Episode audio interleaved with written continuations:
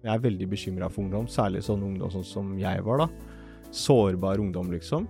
Du skal komme i kontakt med de for å kunne gjøre at de ser noen muligheter her i livet, og det siste jeg ville anbefalt som fagperson, da, det er å bruke straff og ubehagelige sanksjoner og trusler om det. Eh, hvis man på en måte ikke innretter seg eh, etter hvordan du skal, du skal, oppføre deg. Jeg tror at det fører til at uh, ungdom ikke snakker med voksne.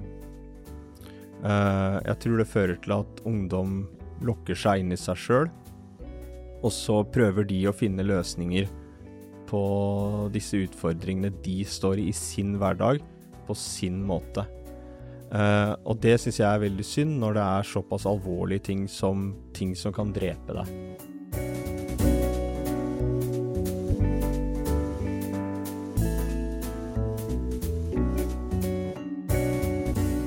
Lytter til Snakk med Silje. Fordi at kaffe, det, og det her var ikke så dårlig kaffe. Hvordan kaffe er det? Kjelsberg. Jeg synes, ja, helt grei den, faktisk. Men uh, kaffe er jo, det gjør jo setter i gang spyttproduksjon. Ja. Så jeg uh, Pro tip, da. Ikke ta med deg vann opp på scenen når du skal holde foredrag. Ta med en kopp kaffe. For du trenger Kanskje hvis du er tørst, da, selvfølgelig, men ellers så ta- bare ta en liten slurk, liksom, så hjelper det. Bare ha det i kjeften, omtrent. Ja. Ikke dumt. Ikke Nei, dumt. det er pro tip. ja, det er, ja, ja, men det. Nei, Men det er klart, hvis du blir engstelig av kaffe, så er jo ikke det Men Nei, det er jeg er jo bare kontinuerlig på kaffe, så det er liksom Ja. Mm. Nei, ja, for det, man kan jo, hvis man er litt eh, engstelig, så kan jo kaffen ekskalere det litt, sånn at Mm. man eh, blir litt ekstra urolig siden det er eh, aktiverende Ja, for ja. nervesystemet.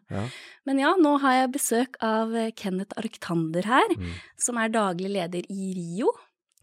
Eh, vil du fortelle litt om organisasjonen og eh, du, du engasjerer deg jo veldig i veldig mye forskjellig, spesielt i rusdebatten, men, eh, Mm. og rusbehandling, eh, og det, det var jo en man, Vi hadde jo et forslag oppe til en rusreform også, som du har vært veldig engasjert i.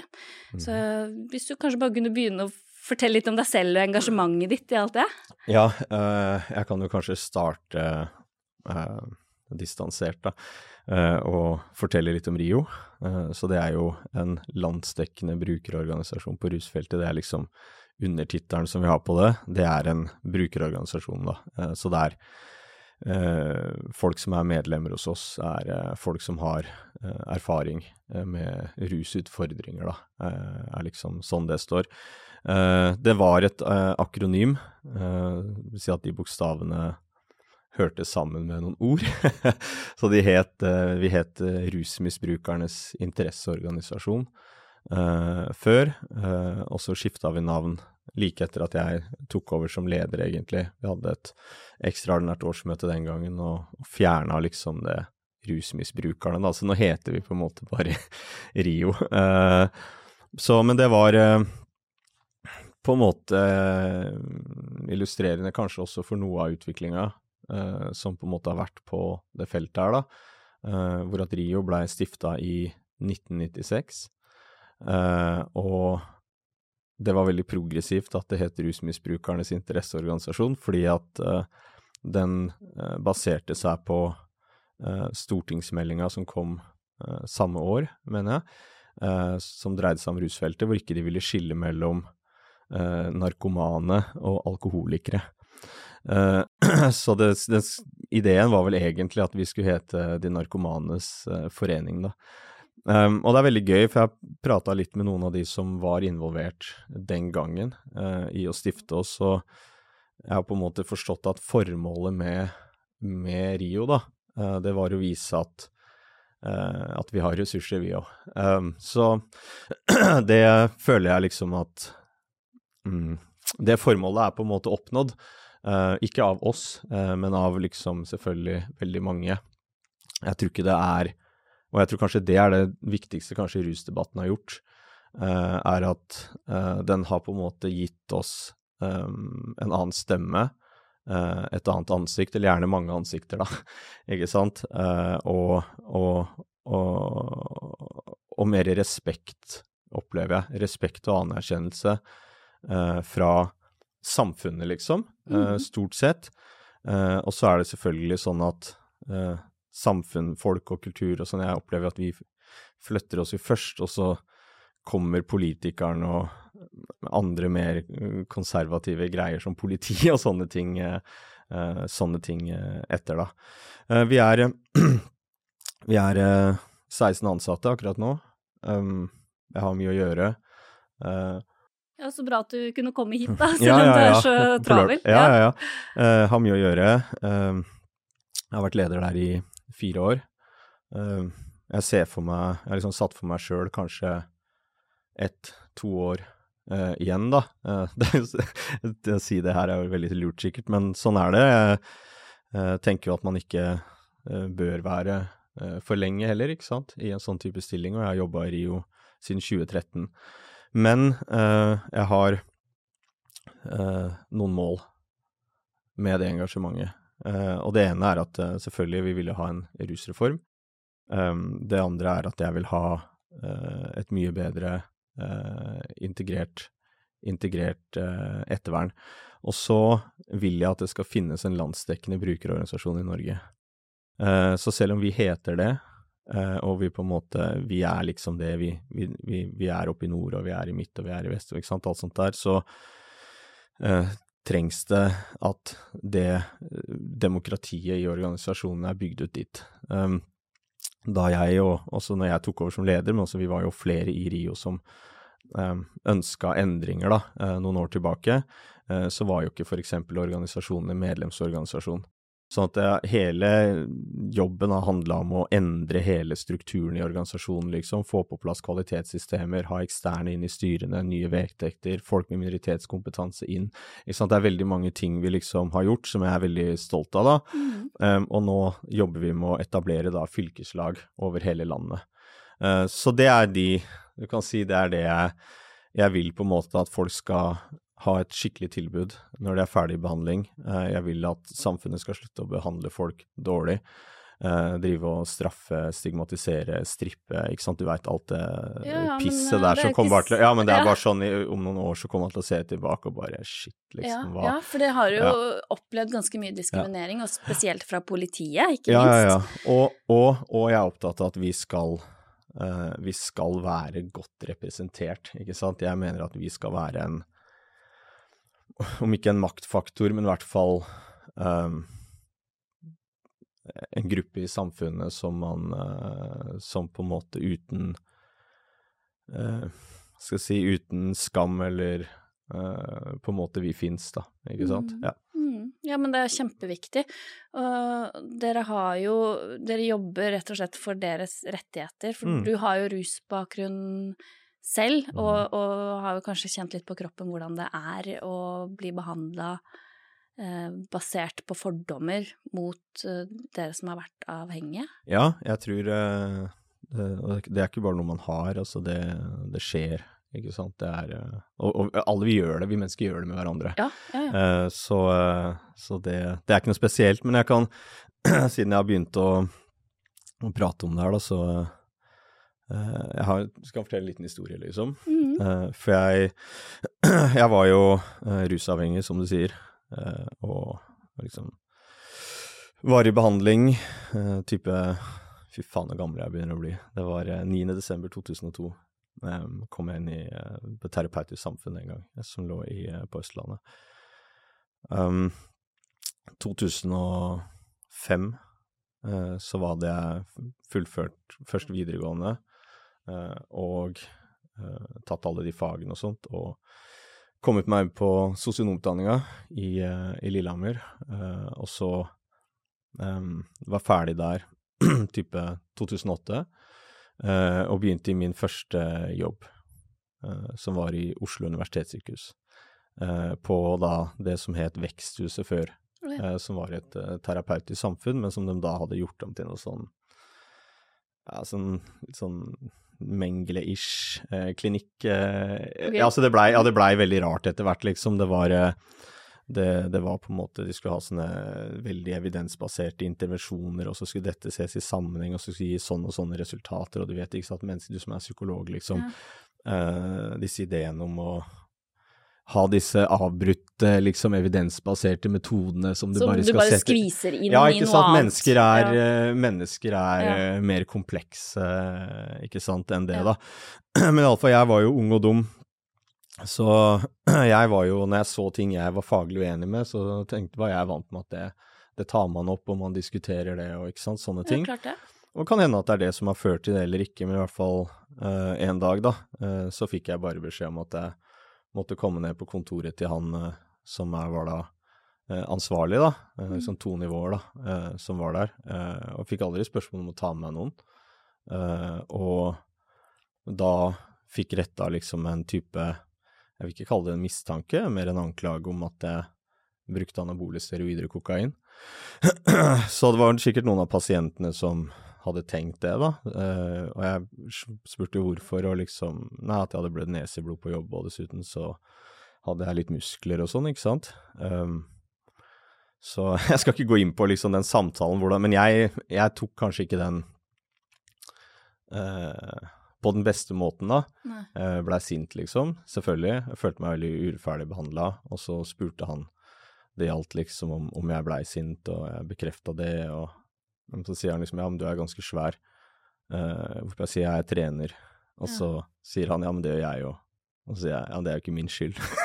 Nei, at- at du- ja, ja, ikke sant. Du bare sånn åh, du må liksom tråkke på pen Ja, ikke penisen, sant. ikke sant. Men, ja. så, men uansett så var på en måte meldinga var veldig klar, da. Det var at uh, det er mistanker om det. Mm. Jeg har ikke noe behov for å, å si at det ikke stemmer. Det stemmer ikke, liksom. Men, og jeg dro til og tok en blodprøve med en gang, og, så den har jeg. Uh, ja, så du men- beviste at det faktisk bare Nei, jeg fikk ikke gjøre det. Jeg ba om Å, få ta blodprøve, liksom, og sånt, men de sa vi kan ikke drive og ha det sånn at vi skal ta det av, liksom, uh, ja.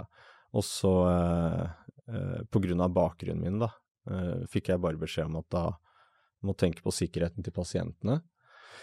Så jeg Så fordi du hadde rusbakgrunn, så var, var du mistenkt for noe? Fordi jeg hadde rusbakgrunn, så ble jeg ulovlig oppsatt, oppsagt i den første jobben min som sosionom, eh, med beskyldninger om at jeg eh, brukte rusmidler og steroider. Og du Eh, fikk ingen jeg, mulighet til å bevise at det ikke var, stemte? Jeg gjorde ikke det. Så, men jeg har tenkt på det, liksom. Han fyren, eller de, da. Eh, jeg kommer til å Ja. Jeg kommer til å besøke de, tenkte jeg faktisk. Nå er det så lenge siden. Mm. Uh, jeg har hatt en helt grei sånn profesjonell relasjon til dem. Men jeg har lyst til å spørre liksom hvorfor ingen uh, tenkte at det var greit å be om unnskyldning for det der, da. Ja. Mm. Men jeg håper at Og det her er bare liksom for å Det var på en måte mitt møte med rusfeltet, da. Mm. Uh, etter at jeg kom ut av behandling og tok meg en utdanning, da. Ja. Eh, så det var eh, så eh, Men jeg opplever at, og håper at da i hvert fall, eh, at vi skal klare å komme dit hvor at eh, det ikke er At vi ikke er så stigmatisert at selv folk eh, som er utdanna, eh, har en yrkesetikk, jobber med dette faget, Ja. eh, på en måte kan diskriminere folk som kommer fra den gruppa, uten engang å tenke over at det er gærent, da. Ja. Eh, og da er vi inne på, mm, på det som du sier om, om politiet. Mm. Jeg satt jo i dette rusreformutvalget, eh, så jeg var jo med å utrede og, og skrive denne NOU-en.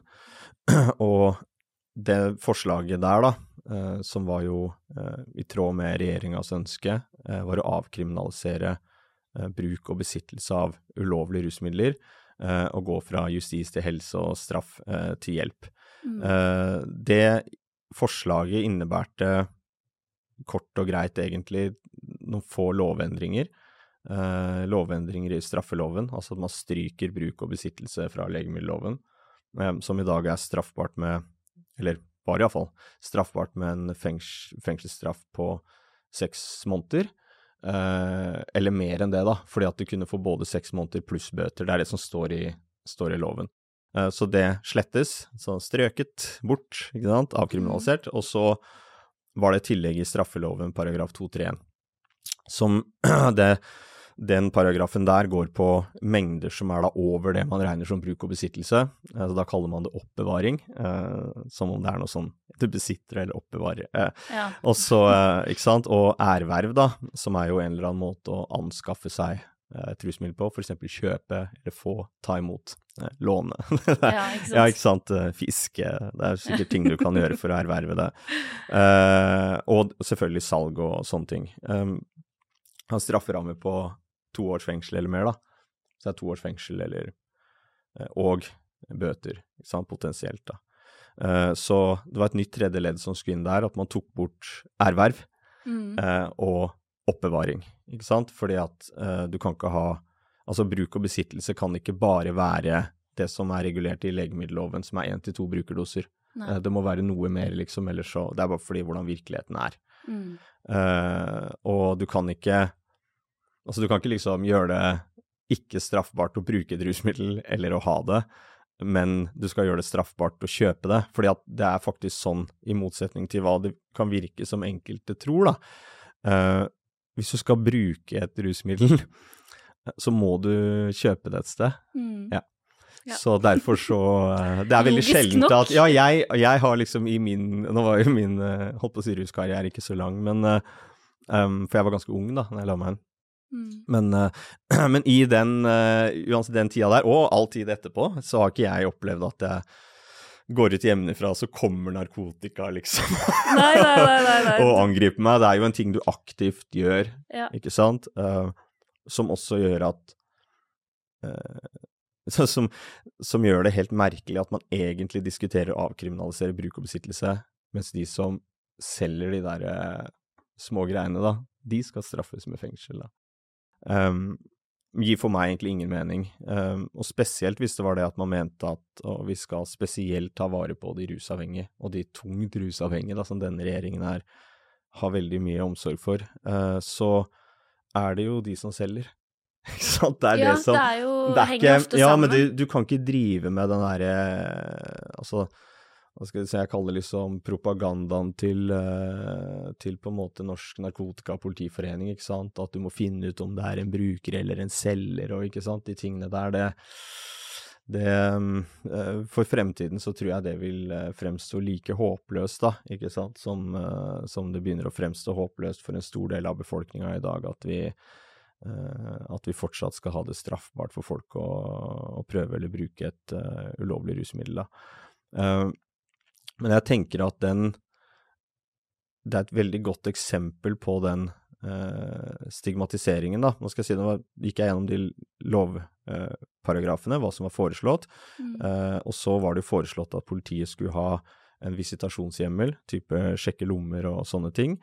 Eh, og hvis de pågrep noen da, fant ut at de hadde brukt et ulovlig rusmiddel, eh, så skulle de pålegge noen oppmøte eh, hos en sånn rådgivende enhet for narkotikasaker i kommunen.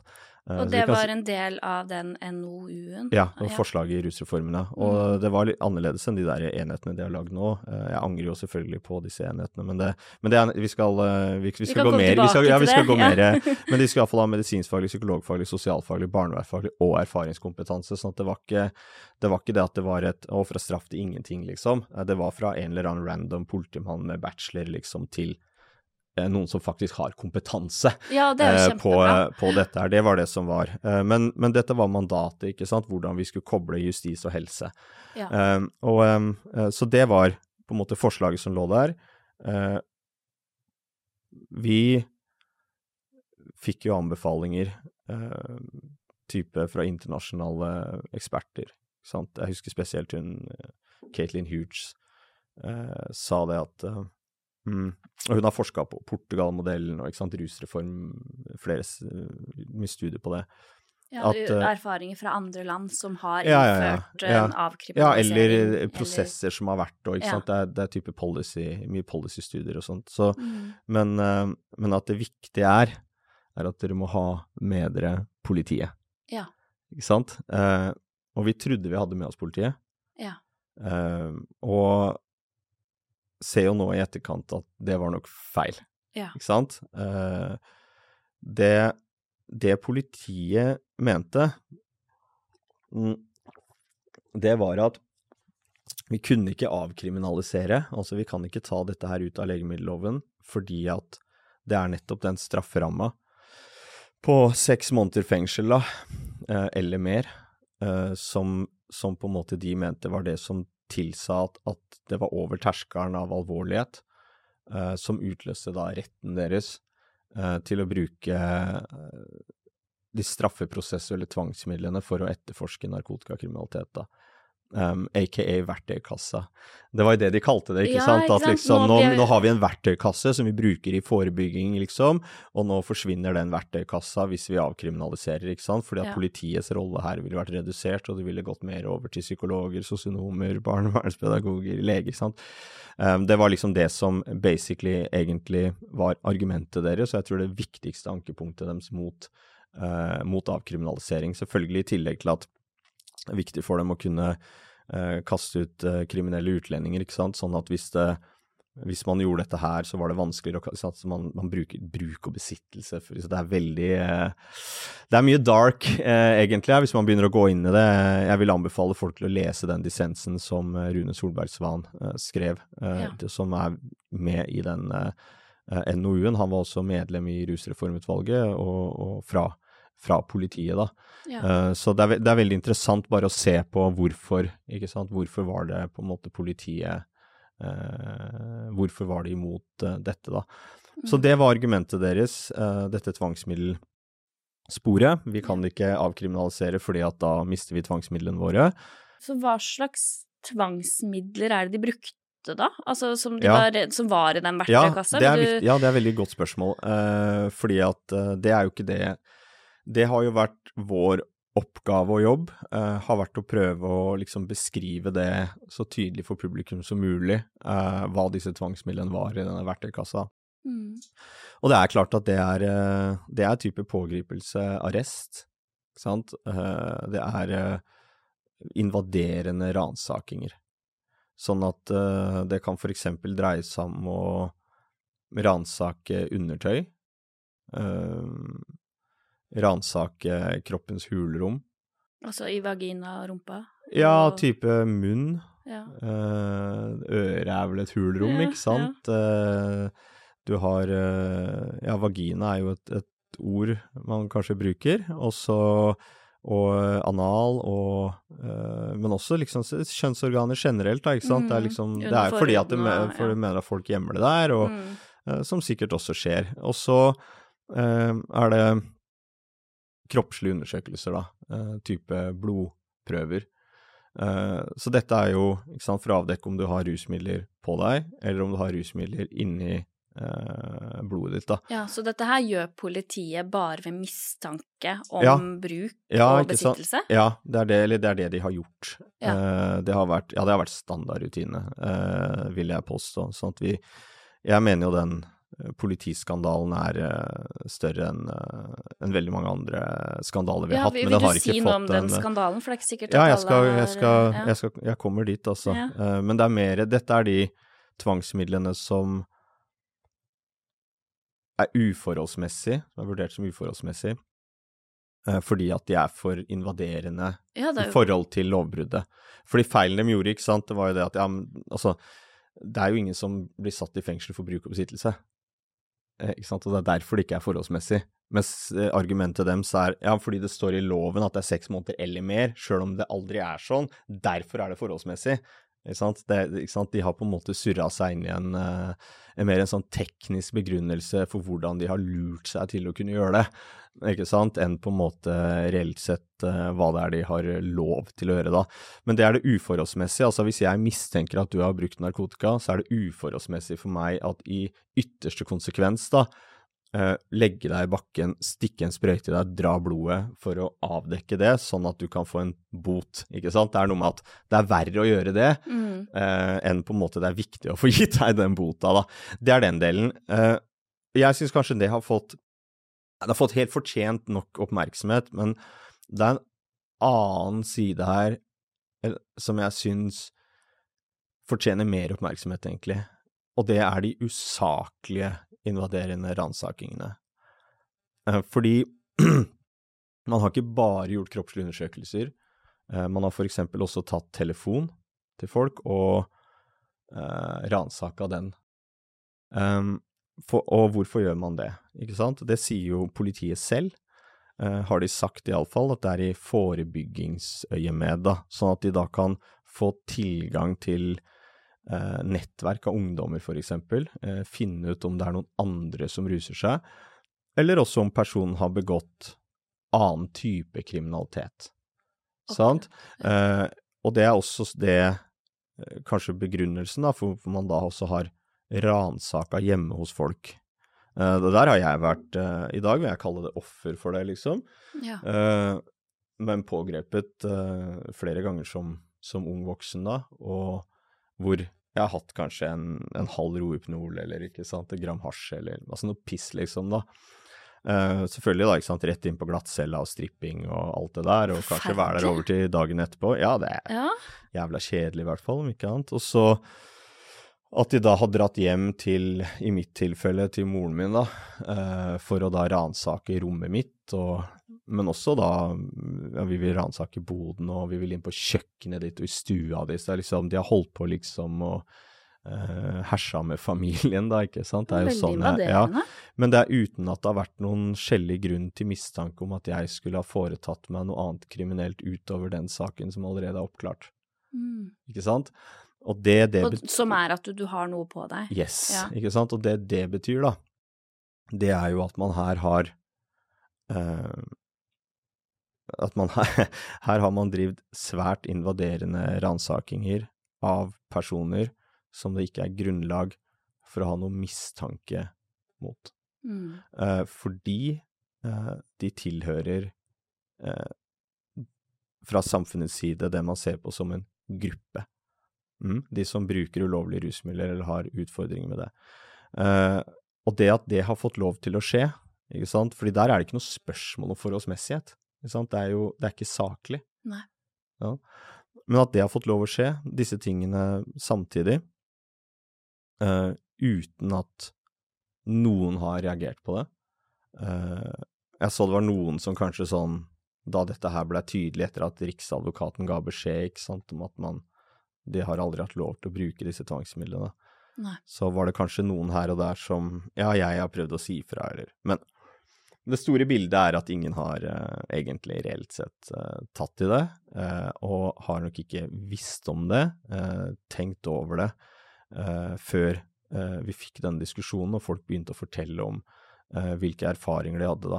Ja, så det som skjedde var at når politiet da sa at dere tar mm. fra oss verktøykassa, for vi, eh, for å forebygge, så er vi nødt til å gjøre alle disse tvangs midlene, bruke disse.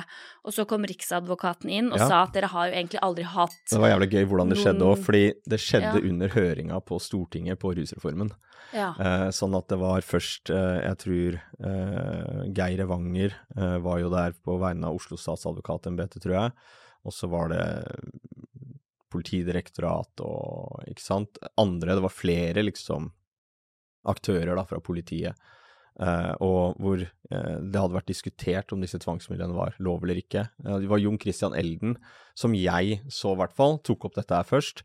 og også grunnen til at jeg Jeg var jo på NRK Debatten om rusreformen, og, og, tok også opp der at Jon Christian Elden hadde sagt at det var ulovlig, da, så derfor så tenkte jeg han er sikkert veldig flink og sånn, så jeg tenker at først, kanskje det er det. Kanskje det ligger noe i det? Ja, ja, kanskje det er ulovlig, liksom. Mm. Uh, og så fikk jo uh, Riksadvokaten under sitt høringssvar anledning til å, å fortelle at det er ikke riktig at politiet mister disse tvangsmidlene, fordi at etter hans syn så, så har de ikke hatt de Nei. i disse sakene.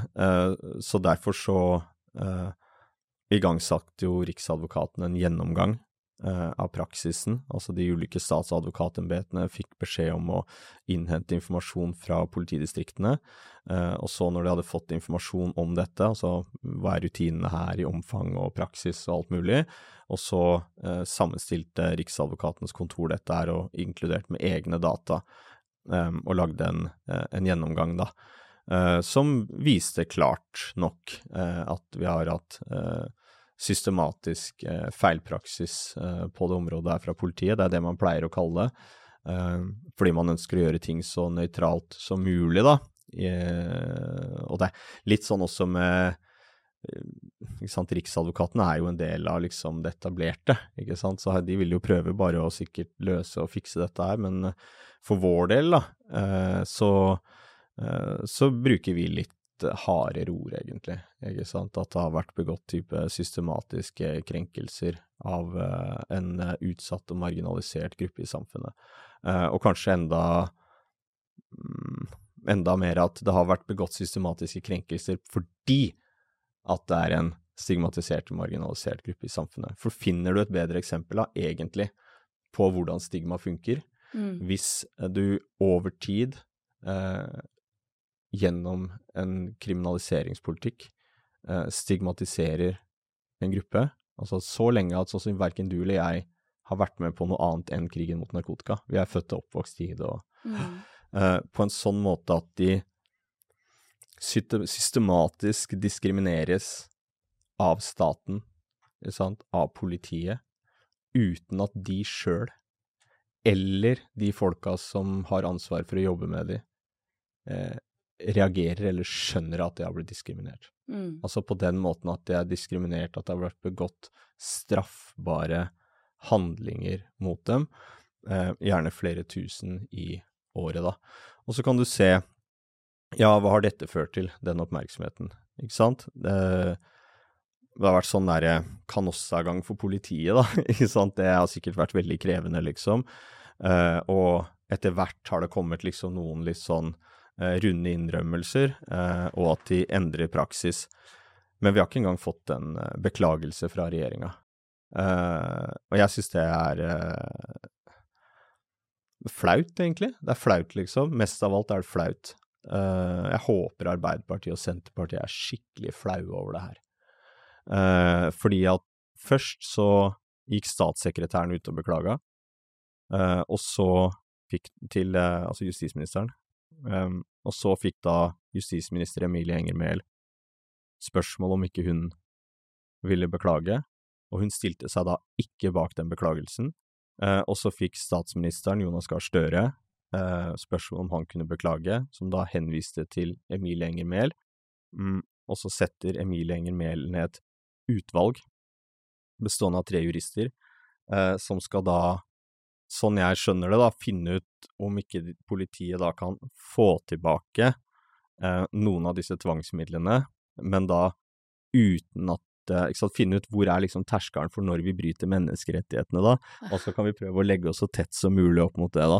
Mens jeg ville jo tenkt da, at hvis du hadde en regjering som utgikk fra liksom venstresida, eh, som skulle være progressiv, så ville man jo forsøke å styrke rettighetene til folk, ikke sant? Ikke på en måte å, å prøve liksom å kontrollere de så mye som mulig, eh, og på en måte beholde liksom et minimum liksom av rettighetstenking. Ja.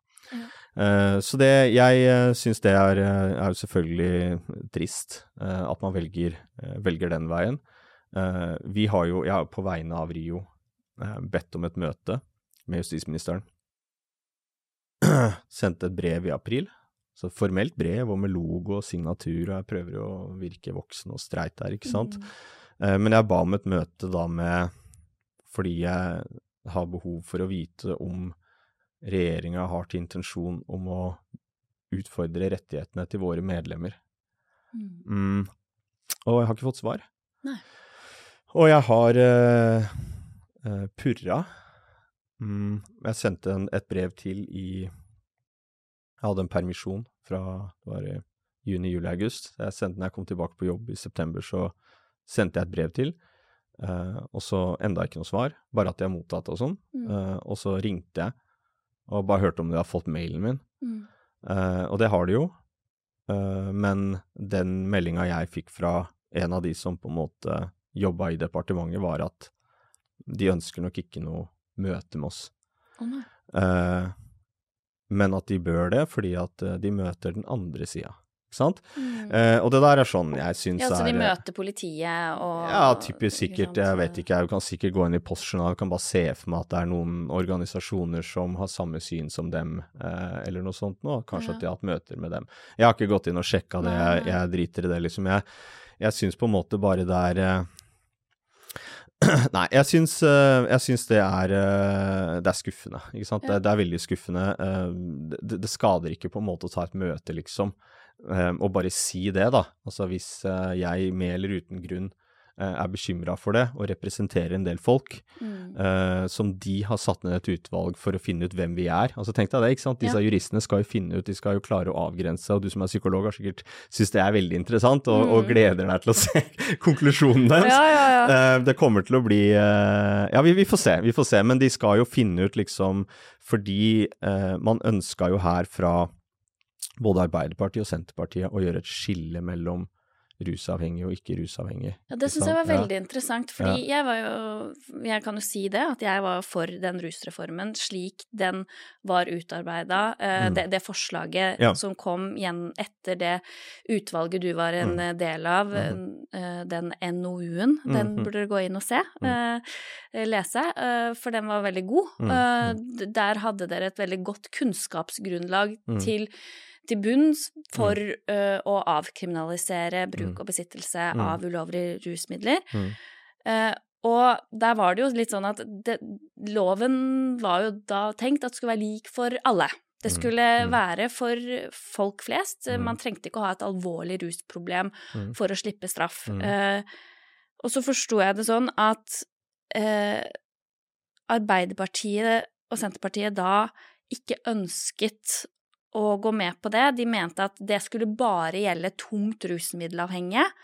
Eh, og så skulle man gjøre forskjell på folk. Og så var det sånn at eh, hvis du ikke var tungt hvis du brukte det kreasjonelt, eller Sa du kreasjonelt? Re rekreasjonelt. Nei, det er, veldig, det er mye kulere å si kreasjonelt. Jeg har en Ja, ja. kreasjonell kveld her. Ja, ja, liksom. ja. nei, eh, bruke det rekreasjonelt. Eh, eller bare ha prøvd det for første gang, på en måte. Så, så, så da, da kunne du bli straffet. Da kunne de bruke Mm. disse tvangsmidlene. Um, Og det Som psykolog, da, så kan jeg jo si at eh, jeg lurer jo veldig på hvem skal ta den vurderingen om hvor grensen går for eh, om du bruker det på den ene eller andre måten, eh, og eh, hvordan de rent juridisk skal kunne eh, Nei, de må, få lov til å, de må få lov til å rote seg inn og ut av den grøfta der alene, har jeg faktisk tenkt. Ja. Eh, kan du si bare sånn litt hvordan det der skjedde?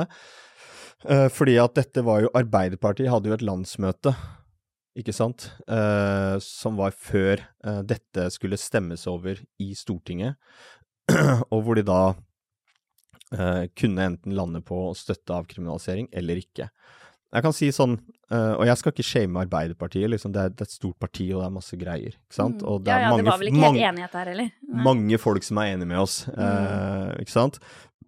Og, men det var, et, det var jo et parlamentarisk grunnlag for at eh, Solberg II-regjeringa satte ned eh, et utvalg. Ja? Det gjorde de ikke ut av det blå. Det var fordi det var et flertall på Stortinget for avkriminalisering. Eh, det var et flertall på Stortinget som ga regjeringa marsjordre eh, om å nedsette det utvalget og begynne arbeidet med å flytte samfunnets ansvar for reaksjoner på bruk og besittelse av ulovlige rusmidler fra justis til helse, fra straff til hjelp. Det er avkriminalisering. Eh, fordi at eh, du kan ikke straffe folk i din privatpraktiserende Altså som psykolog, ikke sant. Eh, du kan ikke straffe folk om du jobber i DPS. Sykehusene er ikke domstoler, ikke sant, osv. Så, videre. så det er en avkriminalisering. Altså du tar det ut av det strafferettslige, putter det over i det sivilrettslige. Som ikke betyr at det ikke kan gi sanksjoner og ikke sant, sånne ting. Du kan sikkert, hvis du har jobba i DPS, så vet du at man kan gi gebyr hvis folk ikke møter til timen og ikke sant. Andre Veldig sjelden at vi gjorde det. jeg vet det, men de kan, ikke sant? Mm, ja. og det, det er det jeg på en måte bare sikter til, da, ikke sant? Ikke sant. At gebyr er noe annet enn en, eh, enn en type Uh, bot, da. Jeg vet at mange bruker det mye, så det er forskjell fra DPS-er til DPS-er, tror jeg. Ikke sant. Men Arbeiderpartiet var liksom der, Mm. uh, så det gjorde Og Hadia Tajik uh, ba jo også Bent Høie i 2017, eh, før det stortingsvalget den gangen, om å umiddelbart sette ned en kommisjon som skal da utrede og forberede en sånn type reform, da. Så etter at de vant valget, så, eh, så satte de ned det rusreformutvalget, eh, fordi at nå var det et flertall på Stortinget for å gjøre dette. Um, og så tror nok jeg at, og det var jo de som var på Stortinget for Arbeiderpartiet i helse- og omsorgskomiteen den gangen, var eh, nå helse- og omsorgsminister Ingvild Kjerkol. Uh, og, og Tellef Mørland, da, som var type ruspolitisk talsperson uh, for Arbeiderpartiet. Eh, så det var jo en klar oppfatning da at her var alle med. Nok folk var med eh, til at eh, vi, vi, kunne gjøre det.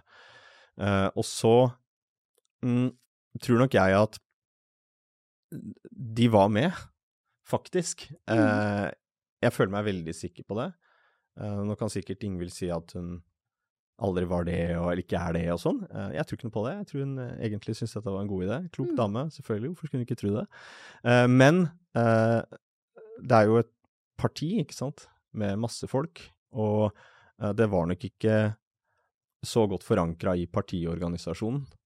Sånn at når det begynte å nærme seg, og dette er jo et polarisert tema, ikke sant? det er polarisert i sin natur, skal vi straffe eller ikke straffe folk for dette her? Mm. Det, det, det her, de, du kan ikke gjøre begge deler, liksom. Um, så var det nok alle de som ikke hadde engasjert seg så mye i det, uh, og som hadde så mye kunnskap om det, da, som for eksempel da Ingvild og Tellefo, de som satt på, på Stortinget da, uh, og som hadde jobba med der. Uh, så da kom alle dems synspunkter, da, og det er jo det vi, eller jeg i hvert fall, syns var mest krevende med den debatten, da, eh, det var nok at du hele tiden måtte eh, på en måte svare på sånne veldig rare ting som jeg følte man på en måte egentlig var litt ferdig snakka med for noen år siden, da. Ja, hva slags ting da? Eh, nei, eh, altså det sånne type ting som Hva med ungdommen, mm. ikke sant? Eller Ja, nå skal narkotika bli lov. Ja, ikke sant. Um, eller og nå er det liksom greit da, å ta med en hel bærepose med dop uh, på skolen. Ikke ja, sant? Og det var sånne, det var sånne liksom uh, debattformer da, uh, som har gjort at jeg har på en måte syntes det har vært interessant at liksom de som var for rusreform, var de som på en måte ble anklaga, kanskje særlig fra Arbeiderpartiet, da, å være usaklige. Ja.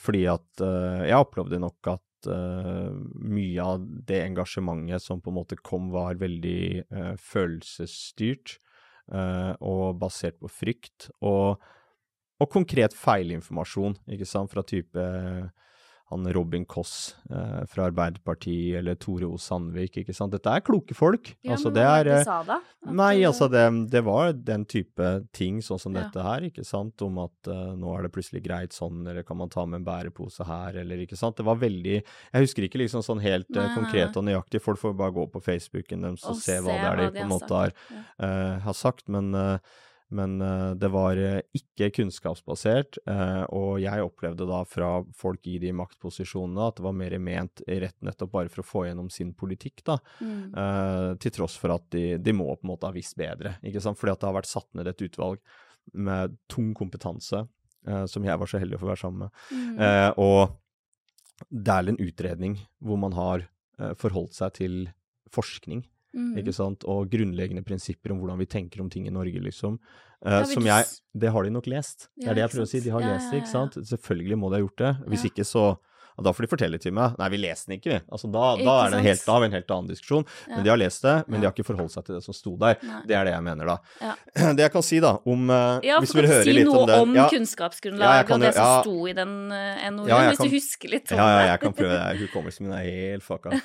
men, uh, men i alle fall så Det var um, vi blei jo anklaga av uh, da hun barne- og familieminister, og min, en av mine favorittstatsråder, faktisk, tro det eller ei, i dag, uh, Kjersti Toppe fra Senterpartiet. Mm. Um, er jo, hun er jo konservativ person, liksom, men uh, hun er Hun gjør jobben, og det har jeg veldig respekt for når politikere gjør jobben, da. Men jeg er uenig med henne i én ting, og det er anklagene som var retta mot Rusreformutvalget, om at vi hvis vi hadde fått i mandat fra regjeringa uh, å utrede om vi skal avkriminalisere, og vi hadde sett på det om vi syntes det var en god idé, så hadde vi kanskje konkludert annerledes. Iallfall er det man kan utlede av, uh, av, det at du mener at vi ikke vi fikk det i det mandatet. Mm. Uh, og så vet jo jeg at Kjersti har lest den NOU-en, uh, sikkert tre ganger også, sånn jeg kjenner henne, så, eller to i hvert fall. Så er ikke det riktig. Ikke sant? Fordi at vi eh, Det er klart vi skulle utrede og forberede regjeringens varslede rusreform, helt korrekt, men vi var jo ikke der at vi ønska å anbefale noe vi mente ikke var lurt. Eh, fordi at vi har jo, vi, har jo Folk har jo jobber og karriere, vi er jo ikke helt lost in space, liksom. Um, så vi så jo på om vi mente det var lurt, ikke sant? Og for å gjøre det, eh, så hensyntok vi to eh, politiske standpunkt. For dette er politikk, da. Mm. Og det ene var et, et uh, kriminalpolitisk standpunkt uh, om at straff er mm, sterkeste virkemidler for å fordømme uønska handlinger hos borgerne. Det er ment belastende, og det er svært stigmatiserende. Og det har store økonomiske, sosiale og i det hele tatt omkostninger, både for den det gjelder, for samfunnet som helhet og for venner og familie. Derfor så må bruk av straff solid begrunnes. Det må ha en god begrunnelse for hvorfor staten skal bruke sitt sterkeste virkemiddel overfor eh, borgerne for å regulere dems atferd. Ok, det er det. Uh, og så er det ruspolitiske standpunktet, som på en måte er nødvendig å se på da, for at det første standpunktet skal gi mening, ikke sant, og så skal vi ha en konklusjon om hva vi mener.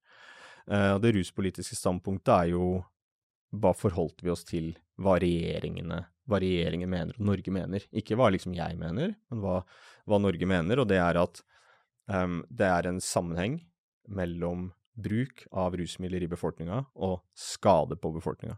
Mm. Sånn at uh, man ønsker å holde rusbruken lav for å redusere skade på befolkninga. Ja. Det, er, det, er, det perspektivet, og det politiske standpunktet. Mm. Og da er spørsmålet OK, kan man da si at straffen vi bruker for bruk og besittelse, kan solid begrunnes gjennom at den fører til merkbart redusert bruk i befolkninga, sånn at det dermed får mindre skade på befolkninga. Eh, og vi gikk gjennom mm, den forskninga som fantes da, og så har det kommet noe mer studier etterpå som ikke ikke går imot eh, det, da, men heller styrker på en måte vår konklusjon, at det finnes ikke da forskningsmessig belegg eh, for å hevde at eh, straff fører til redusert bruk i befolkninga. Um, og derfor så har man ikke den solide begrunnelsen for bruk av samfunnets sterkeste virkemiddel for å fordømme, uh, og det går an å bruke andre faglige tilnærminger for å oppnå det ruspolitiske formålet til Norge, da. Kan jeg ta en liten pause? Tusen takk til alle dere som abonnerer eller følger kanalene mine. Nå har jeg snart nådd 1000 abonnenter på YouTube, så hvis ikke du abonnerer på YouTube-kanalen min enda, så hadde jeg satt enormt stor pris på om du gjorde det. Og hvis du allerede abonnerer, så hadde jeg satt pris på om du kunne dele innholdet med familie, venner og bekjente, så kanskje jeg når 1000 abonnenter ganske snart. Det er også mulig å støtte podkasten min med en pengegave. Da kan du søke opp Snakk med Silje via VIPS, eller bruke VIPS nummer 806513. Da kan du velge selv hvor mye du ønsker å donere, noe jeg setter enormt stor pris på. For det gjør at jeg kan holde podkasten åpen og tilgjengelig for alle. Takk til alle som støtter meg. Så bare fortsett der ja. du slapp, du. Ja, men da bare fortsetter jeg der jeg slapp, og så har jeg jo kledd på meg en uh en uh, flott designergenser fra Russland, faktisk. Ja, ja. Så sånn er det med den, uh, den saken, da. uh, vi var vel Vi prata vel om denne rusreformutvalgets rapport mm. og innstilling til Solberg II-regjeringa, og mm, forskningen og, og, disse politiske standpunktene, hvor vi gikk gjennom den forskninga som var, ikke sant, for å se på om eh, det fantes et forskningsmessig belegg eh, for å påstå at eh, straff fører til redusert bruk av ulovlige rusmidler. Eh, og så er det klart at eh, Folkehelseinstituttet, eller de, de, hevder vel å ikke snakke på vegne av Folkehelseinstituttet, og det gjør de nok ikke, men forskerne der, da, type Jørgen Bramnes og Anneline Bredtvill Jensen, eh, men blir jo oppfatta av eh, befolkninga som at det er Folkehelseinstituttets ikke sant, synspunkter, da. I alle fall så mente jo de at det empiriske grunnlaget var for svakt uh, i forhold til hvordan de mener at det burde vært, for å da kunne bevise at avkriminalisering ikke vil føre til økt rusbruk. Um, men det mener jeg er litt sånn Ok, det kan man godt sitte som liksom uh, forsker og mene, uh, men dette er politikk også. Uh, sånn at det er jo ikke Var jo ikke opp til oss å bevise at det å ta bort straff ikke vil føre til A eller B. det er jo opp til staten som skal bruke samfunnets sterkeste virkemidler for å fordømme uønska handlinger hos borgerne, som må bevise og solid begrunne det. Ja. Ikke sant? Bevisbyrden er omvendt. Ikke sant? Det er jo på den som mener at du skal bruke et kraftig tiltak som er ment belastende, og som er stigmatiserende mot folk, eh, som må begrunne hvorfor du skal bruke det. sånn at empirien, selv om det ikke hadde finnes noe empiri, sant, så ville du fortsatt på en måte kunne lande på den konklusjonen, fordi å, jeg kan ikke begrunne hvorfor vi skal gjøre dette her. Eh, da gjør vi det ikke. Eh, det er på en måte Det er saken. Og det, var, eh, det var, har vært en del enkeltstudier. Det har vært noen litt større studier. Det har blant annet vært én studie hvor eh, man har satt sammen type EMCDDA-tall, altså europeiske tall, European Monitoring Center for Drug and Drug Addiction, eller crime and drug Jeg vet hva det er, EMCDDA, drug and drug addiction, ja. Mm. Um, som har da sett på Jeg tror det var 15 ulike land. Uh, og så satt de et sånn år null for når det hadde vært en endring, og så ser du da om det har vært økt eller redusert bruk. Og da kan endringen være skjerping eller lemping. Altså mm. at du strammer inn, mer straff, ikke sant. Mm. Eh, eh, forebygge! Eller at du lemper, da, ikke sant. Eh, skal hjelpe istedenfor, eller ikke sant. Uh, skal prioritere politiressursene annerledes, osv. Um, dersom denne avskrekkingsteorien, da, som uh, både Bramnes og Bredtvet Jensen og, og sånn sokner til, hadde vist seg å stemme, at den, det virker, politikken på den måten, uh, så ville man jo sett at de landene der hvor man stramma inn, så ville du fått redusert bruk. Og de landene der hvor man lempa på politikken, så ville du fått økt bruk. Ikke sant? Mm, Dette er ja. ganske basic. Logisk. Ja, men det, det ser man ikke. Det går liksom i alle retninger, ikke sant. Uh, som, og det har vært gjort en, en type kunnskapsgjennomgang også. Uh, husker jeg ikke om det var 39 forskningsartikler eller sånt, som lå noe i den, men som på en måte på, landa på samme begrunnelsen. Og så kom det én systematisk uh, gjennomgang uh, etter det, som jeg lurer på var 114 forskningsartikler eller sånt, som mente på en måte det samme. Det var da etter at vi hadde lagt fram Uh, lagt fram, uh, lagt fram uh, den utredninga, da. Ja, så gjennom den utredningen så fant dere at det å ha strengere sanksjoner ikke nødvendigvis fører til mindre bruk?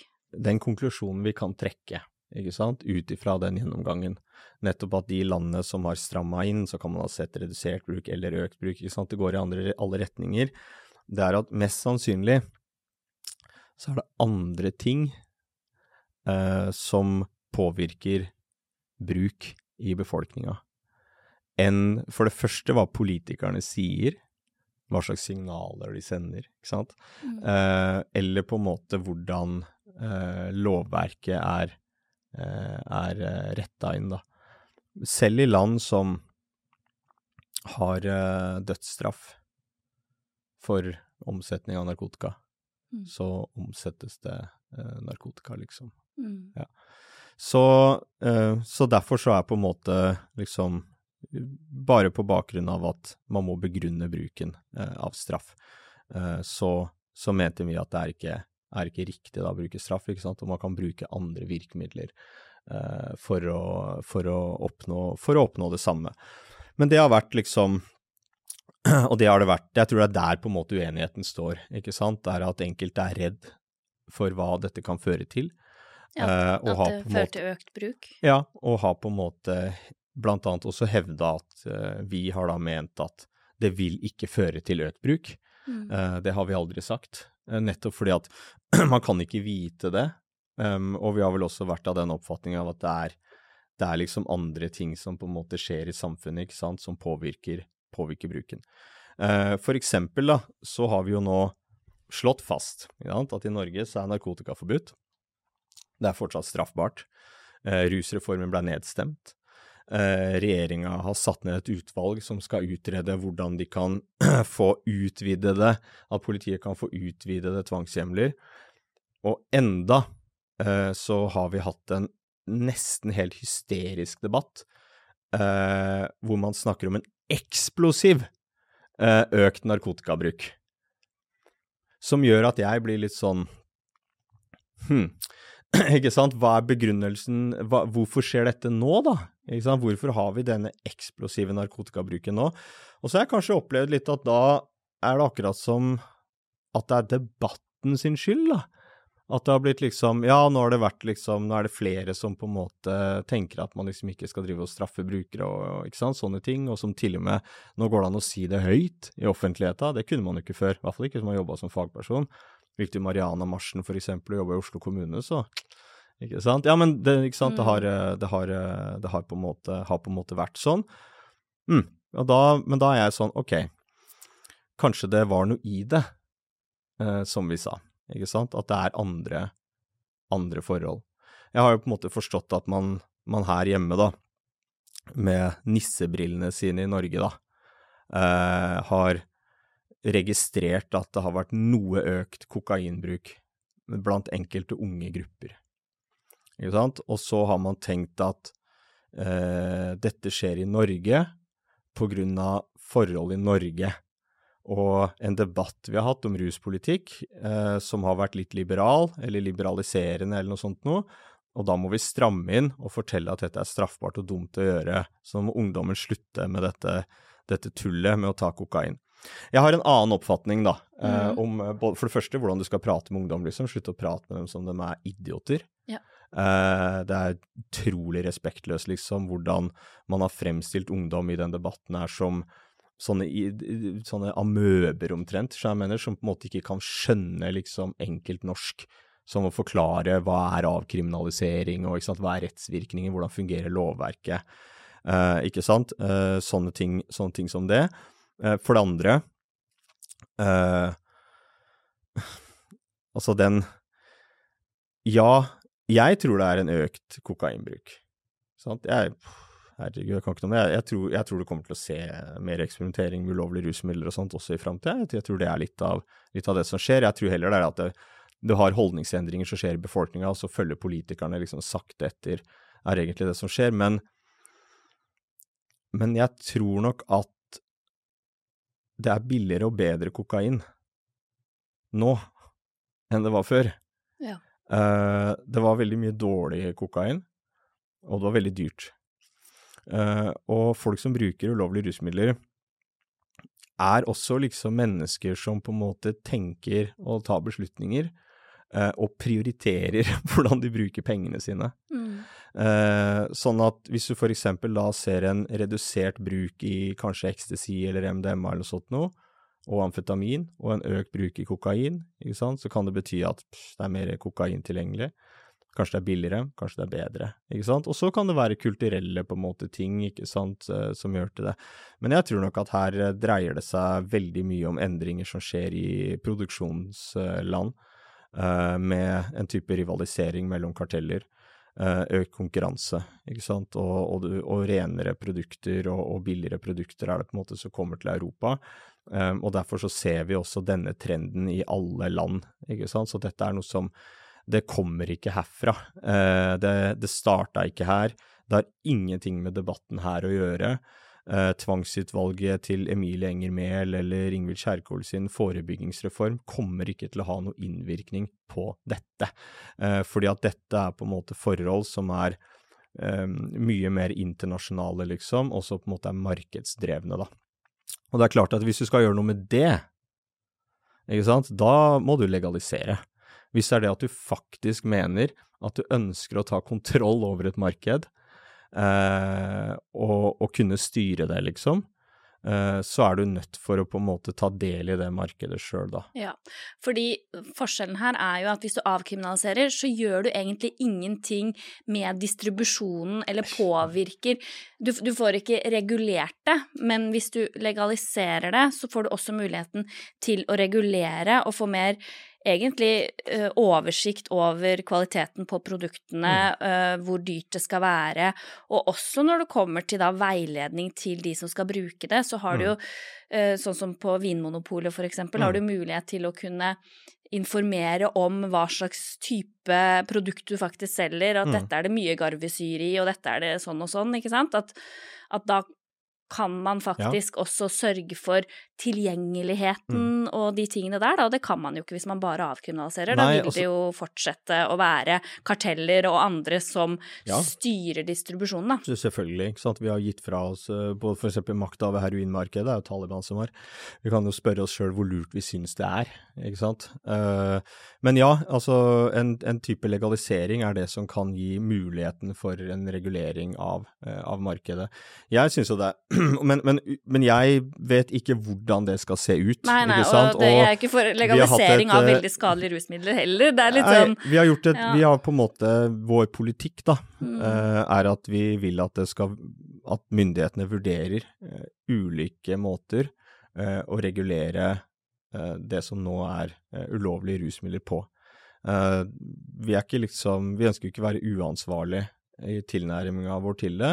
Eh, sånn at det er jo klart at det må, må, utredes, ikke sant. Og vi har ikke noen modell for det rusmiddelet, det rusmiddelet eller noe sånt noe.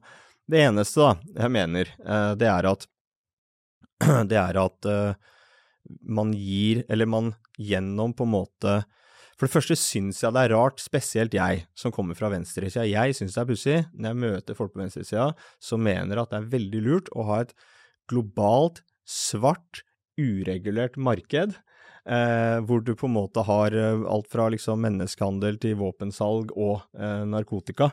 Eh, og, og, og, man heller kunne tenkt at det var lurt å prøve å regulere det markedet der for å få bort noen av de brutale konsekvensene det har, kanskje særlig for, eh, for fattige folk i, i Latin-Amerika, men også alle de som, som er involvert i denne handelen på veien.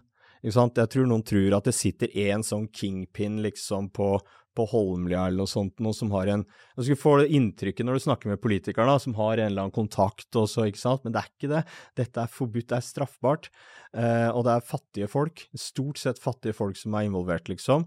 Om det er utrolig mange ledd ikke sant, på veien som ikke er regulert av noen lovverk, du har ingen rettigheter, ikke sant, og da, derfor, da får du all den andre kriminaliteten eh, som folk blir utsatt for, eh, som er involvert i i den distribusjonskjeden, da. Uh, og så får du jo produkter som ganske, kan være ganske skitna til. Ja, du har ikke peiling på hva du får, ikke Nei. sant. Og så vil man jo ikke engang la man gjør jo ikke de grepene man kan engang for å la folk finne ut hva det er de har kjøpt. Ja. Uh, det blir på en måte overlatt til, eh, til en forening, sånn som f.eks. For Foreningen Tryggere ruspolitikk, som vi har et veldig nært og godt samarbeid med. Ja.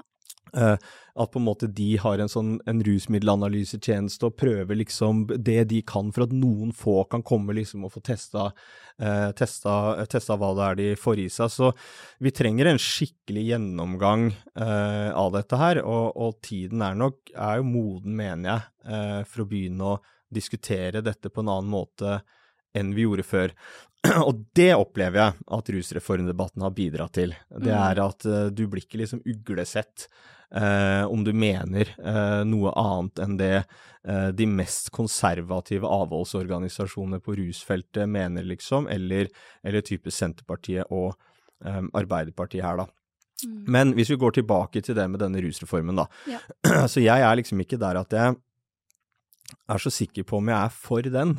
Eh, eller jeg er ganske sikker på at jeg ikke er for den akkurat nå. Ja. Eh, og vi har også vedtatt politikk som går lenger eh, enn det som var eh, det som var den gangen, da, for, for, et par, for, et par, år siden, eller faktisk nå er det enda mer enn det, da. Og, og grunnen til det er at jeg syns ikke at det bør være en kobling mellom eh, politiet og helsevesenet eh, på dette. Jeg syns det er en hvis, hvis formålet er da med å avkriminalisere at du skal da eh, få folk inn i eh, hjelpeapparatet, liksom. Det er ikke måten å få folk inn i hjelpeapparatet på. Ikke sant? Eh, det er ikke en, liksom hvis du sånn Å, nå skal vi finne noen sår... Si for deg, da. Vi skal finne noen sårbare ungdomsgrupper i samfunnet, og så skal vi komme i kontakt med de for å gi de informasjon og tilbud om hjelp. Så ville jeg ikke overlatt for det første den jobben til politiet. Som fagperson ville jeg ikke det, liksom. Eh, fordi at jobben deres er jo å avdekke og etterforske kriminalitet. Ikke sant? Sånn at du vil uansett havne opp i mer sånn tilfeldighet med hvem det er som på en måte kommer inn den veien, da. Og så var jo det forslaget som var fra den forrige regjeringa, var jo at eh, når du har blitt pålagt dette oppmøtet hos kommunen, og hvis ikke du møter, eh, så kan du bli gitt et gebyr, da. Så jeg syns at eh, det var lurt da, eh, og det var innafor det mandatet fra, fra den regjeringa. Å innføre det nå eh, vil potensielt kunne føre til at flere blir kontrollert av politiet. Uh, med tanke på at politiet har stått ansvarlig for uh, systematisk diskriminering av, av, våre medlemmer, da, uh, så føler ikke vi oss komfortable med at de skal ha den rollen. Um, og vi er egentlig godt fornøyd med det både Riksadvokaten og politidirektøren sier om at dette skal ikke prioriteres, mm. og man skal ikke bruke de tvangsmidlene. og da ser jeg ikke helt hvordan hvordan de kan klare å fortsatt drive og ta folk eh, for bruk og besittelse. For man har nettopp brukt disse blodprøvene fordi at det finnes ikke liksom noen måte å avdekke om noen har rusa seg på, annet enn å gjøre en kroppslig undersøkelse. Mm. Sånn at nå ser vi at de antallet brukersaker, disse rene bruk- og besittelsessakene, de deiser jo i bakken, ikke sant, og vil vel snart være egentlig eh, ikke-eksisterende. Og da mener jeg at da har vi lyktes med å de facto avkriminalisere uh, bruk eh, og besittelse gjennom, og det er det her, gjennom det, det, en, altså det eneste man egentlig gjorde, det var å si at vi er som alle andre, og vi har de samme rettighetene som andre. Det var det radikale som lå her. Og da kunne man ikke fortsette med den politikken, fordi at det er ikke lov. Mm. Ikke det var forskjellen, liksom. Eh, så da tenker jeg at da har vi fått et skille mellom politi og helsevesen her, og hvor politiet skal holde på med å etterforske kriminalitet og drive med de tingene der, og de har jo nok å gjøre om dagen, det er ikke det, liksom. Um, og jeg synes det holder at politiet holder seg unna brukerne. Uh, og dersom det er det at man mener at men de må jo få hjelp, ingen som står i veien for at du skal hjelpe. Jeg har ikke hørt noen jeg, som sier at nei, det er ikke greit at du skal hjelpe rusavhengige. Så jeg skjønner ikke den der koblinga mellom um, mellom liksom Hvis vi skal slutte å straffe, eh, så må vi hjelpe. Ikke sant? Vi kan godt slutte å straffe og hjelpe. Mm. Det går helt fint, det. Bare hjelp, i, i, i, hjelp så mye du vil, men det trenger ikke være noen kobling mellom at politiet skal drive og sørge for at folk skal få den hjelpa. Fordi de har ikke den fagkompetansen. Og du ser jo hva som skjedde da de blei gitt ansvaret for dette feltet. Ikke sant? De har jo, de har jo fucka det helt opp. Altså, det er, det er, ingen annen måte å si det på. De har jo blitt dratt i en kanossagang gjennom media, ikke sant, for for det første å skitne til debatten med usanne påstander, eh, og for det andre eh, systematisk bruke uforholdsmessige og usaklige tvangsmidler mot marginaliserte grupper. Og som ikke det var nok, etter at de har fått den påpekninga fra Riksadvokaten, så har de faen meg grini seg gjennom avisspalte på avisspalte om hvor hjelpeløst de står tilbake fra å hjelpe sårbar ungdom, nå som ikke de kan bruke ulovlige og straffbare eh, tvangsmidler mot de. Jeg syns at det vitner om For det første tar ikke til seg liksom forskning og, og, sånne ting, men også en sånn veldig trist syn uh, på ungdom. Uh, jeg mener jo at det er jo særlig liksom, vi, vi, skal være bekymra for ungdom. Jeg er veldig bekymra for ungdom, særlig sånn ungdom sånn som jeg var, da. Sårbar ungdom, liksom. Uh, som har dårlig selvfølelse og selvtillit, og det er ulike årsaker til at de på en måte gjør de tingene de gjør. Hvis du, du, skal, du skal komme i kontakt med de, for å kunne gjøre at de ser noen muligheter her i livet og ikke sant. Eh, så det siste jeg ville anbefalt som fagperson, da, det er å bruke straff og ubehagelige sanksjoner og trusler om det. Eh, hvis man på en måte ikke innretter seg eh, etter hvordan du skal, du skal, oppføre deg. Jeg tror at det fører til at eh, ungdom ikke snakker med voksne. Eh, jeg tror det fører til at ungdom lokker seg inn i seg sjøl, og så prøver de å finne løsninger på disse utfordringene de står i i sin hverdag, på sin måte. Uh, og det syns jeg er veldig synd, når det er såpass alvorlige ting som ting som kan drepe deg. Mm. Uh, da er det faktisk veldig viktig at vi voksne og fagfolk er der og kan bidra til å forebygge, da. At den rusbruken som eventuelt skjer blant ungdom, får dødelig utfall. Mm. det ansvaret tar vi ikke i dag. Um, det reflekteres i overdosestatistikken vår, um, og jeg mener at det ansvaret, det, det trenger faktisk, faktisk politikerne å ta. Uh, og der mener jeg at de, de stikker egentlig hodet i, hodet i sanda litt, egentlig, da. Men så får vi se, da. Nå har jo denne regjeringen, de skal jo legge fram en, en forebyggings- og behandlingsreform. Uh, vi får se uh, hva det er som ligger i den, og så får vi jo vente og se da om dette rushåndhevingsutvalget til Emilie Enger Mehl eh, kommer med noe svar. For det første på hvem den rusavhengige er, for de skal jo avgrense hvem den rusavhengige er. For da skal finne ut hvem som skal få straff eller ikke, tror jeg, eller noe sånt, eller hvem man skal bruke tvangsmidler mot eller ikke.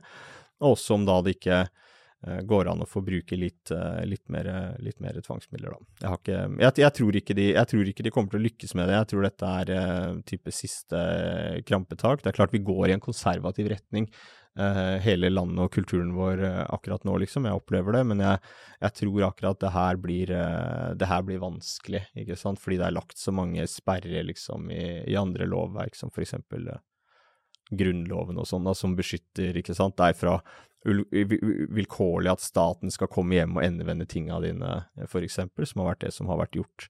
Ja, bare basert på en mistanke, egentlig, da? Nei, det har man ikke gjort det med basert på mistanke, var det som jeg sa, det har vært ofte usaklig, òg. man har på en måte tatt folk for uh, bruk og besittelse, tatt det stoffet, ferdig med det, egentlig, ja, ja. og så drar du hjem og ransaker hos folk for å se om de kan ha gjort annen type kriminalitet, da. Ja, sånn, ja. Mm. Mm. Og da er den ja, da er det jo egentlig ikke en mistanke heller engang. Uh, ja. Nei, det er ikke noe mistanke. Det blir som at uh, Altså hvis du skal sammenligne det med, og det er veldig farlig å gå inn det sporet, men hvis du skal sammenligne det, for, så si da, fordi man mener du tilhører en gruppe mm. Mm, Hvis du tar en etnisk gruppe, da, mm.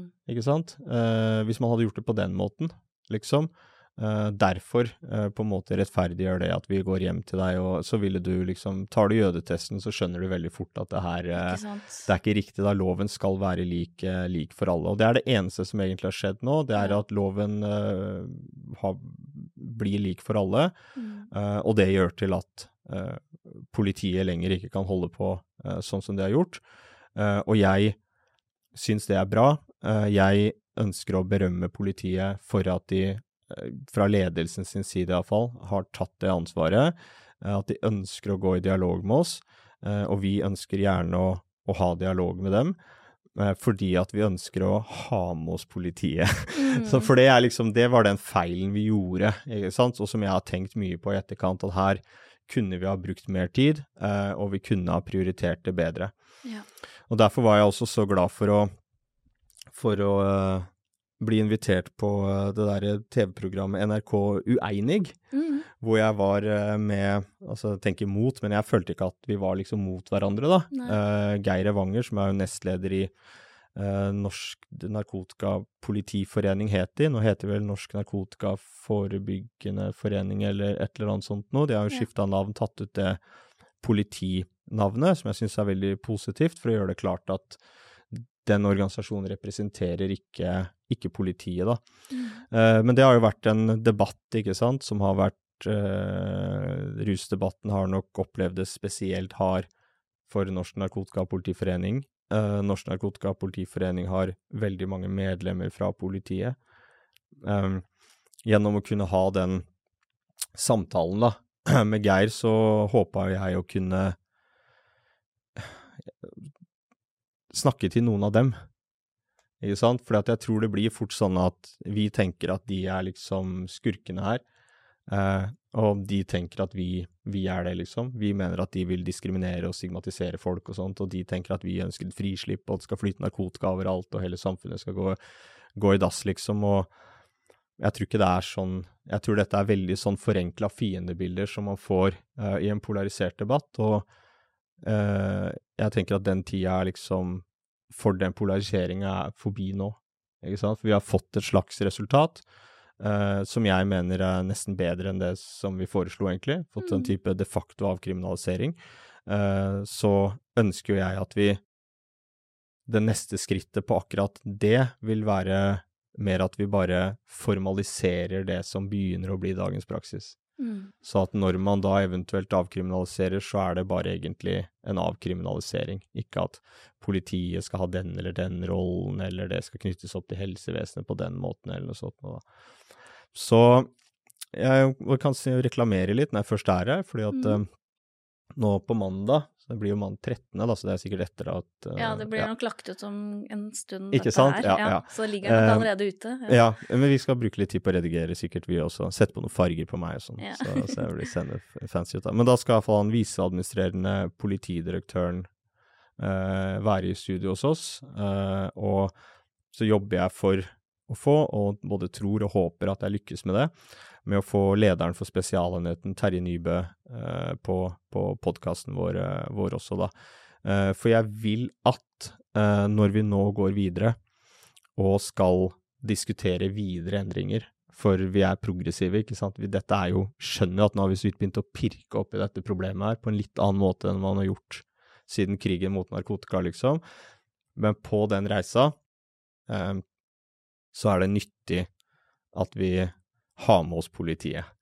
Så det er egentlig det jeg eh, Det er egentlig det, det som jeg driver og, og, prøver på nå. Og da er jeg veldig jeg er spent på å høre liksom hvordan dems opplevelse har vært der. Mm. Uh, jeg har mange ganger tatt meg og syns litt synd på politiet her, da, fordi at uh, de fant jo ikke opp dette. Ikke sant? Uh, og det er jo klart at de som, de som tror mest på propaganda, da, for sånn sleivete, men det er jo ofte de som står i front sjøl, ikke sant. Du er helt avhengig av at de er i noen grad ideologisk motivert, da, mm, hvis de skal kunne klare å utføre den jobben. Uh, fordi at det er ikke De står liksom ikke i kassa på Rimi heller, ikke sant. Det er uh, De utsetter seg innimellom for fare, uh, og de får dårlig lønn. de har elendige arbeidsforhold. de blir utsatt for veldig mye dritt, liksom. Um, det er klart at de må tro de, de, er litt avhengige av å tro på det de gjør, hvis de skal være gode i jobben sin. Mm. Ikke sant? Og da må vi liksom Ok, hvordan er det vi på en måte på en måte snakker med politiet som gruppe? Ikke sant? Fordi at det er jo det er jo Stortinget, det er jo liksom norske samfunnet som har bestemt hvordan dette skal være, og så har de blitt satt til å utføre det. Mm. Og så på en måte nå dukker det opp alt som har gått gærent, ikke sant? Og så er det på en måte de som får skylda, da. Og jeg er redd for at hvis man fortsetter med den dynamikken, eh, så vil man ikke lykkes med å få til eh, nødvendige endringer i framtida, da. Mm. Så det er litt, eh, litt den along those lines, da, mm. Eh, som i hvert fall vi, eh, vi forsøker å jobbe nå. Ja. Så mm. bra. Mm. Uh, for jeg tenker jo det at uh, hvis man Noe av argumentet jeg også har hørt, er at hvis ikke du har en trussel om straff, mm. uh, så vil ungdom i større grad kanskje teste ut ulike rusmidler, og hvis man Det er veldig tydelig at dette er ikke lov fordi dette er farlig, så vil færre ungdom Uh, prøve det ut, da. Og, og, hvis man først blir straffa en gang, kanskje ikke prøver det igjen. Eh, men, men hva du, du, har jo erfaring, du begynte jo, jo med dette her Jo, men det er helt hjerneskada, så bare unnskyld meg, sorry uttrykket, liksom, men, ja. men OK, fortell meg den gangen politiet tok Først, det var første gang jeg skulle prøve et rusmiddel, mm. så kom politiet heldigvis og tok meg. Ja. Hvor mange sånne, sånne historier tror du det fins Altså det er, dette er veldig vanskelig å avdekke, og de tar veldig få personer Mm. i forhold til hvor mange det er som bruker. Det er jo ikke, det er jo ikke lett å ta noen for bruk av et ulovlig rusmiddel. Det er lett å ta de som står ute på gata fordi de ikke har penger eller på en måte fasiliteter til å kunne være inne. Mm. Noen av de kan det være lett å ta. Så det er lett å ta folk som kommer fra ikke-møblerte hjem, men det er veldig vanskelig å ta ungdom for eksempel som kommer fra møblerte hjem. Og synes jeg et rusmiddel er veldig lite. Ja, du kan ha det i lomma, du kan ha det i sokken, du kan ha det i kjeften, du kan ha det i nesen, du kan ha det hvor som helst, liksom. Du, du kan ikke ha Hvordan skal du klare å ta ungdom for dette her, i et sånn type omfang, liksom? Da måtte de jo hatt et eh, et veldig totalitært eh, samfunn. Og jeg skal ikke si at noen ikke drømmer om det.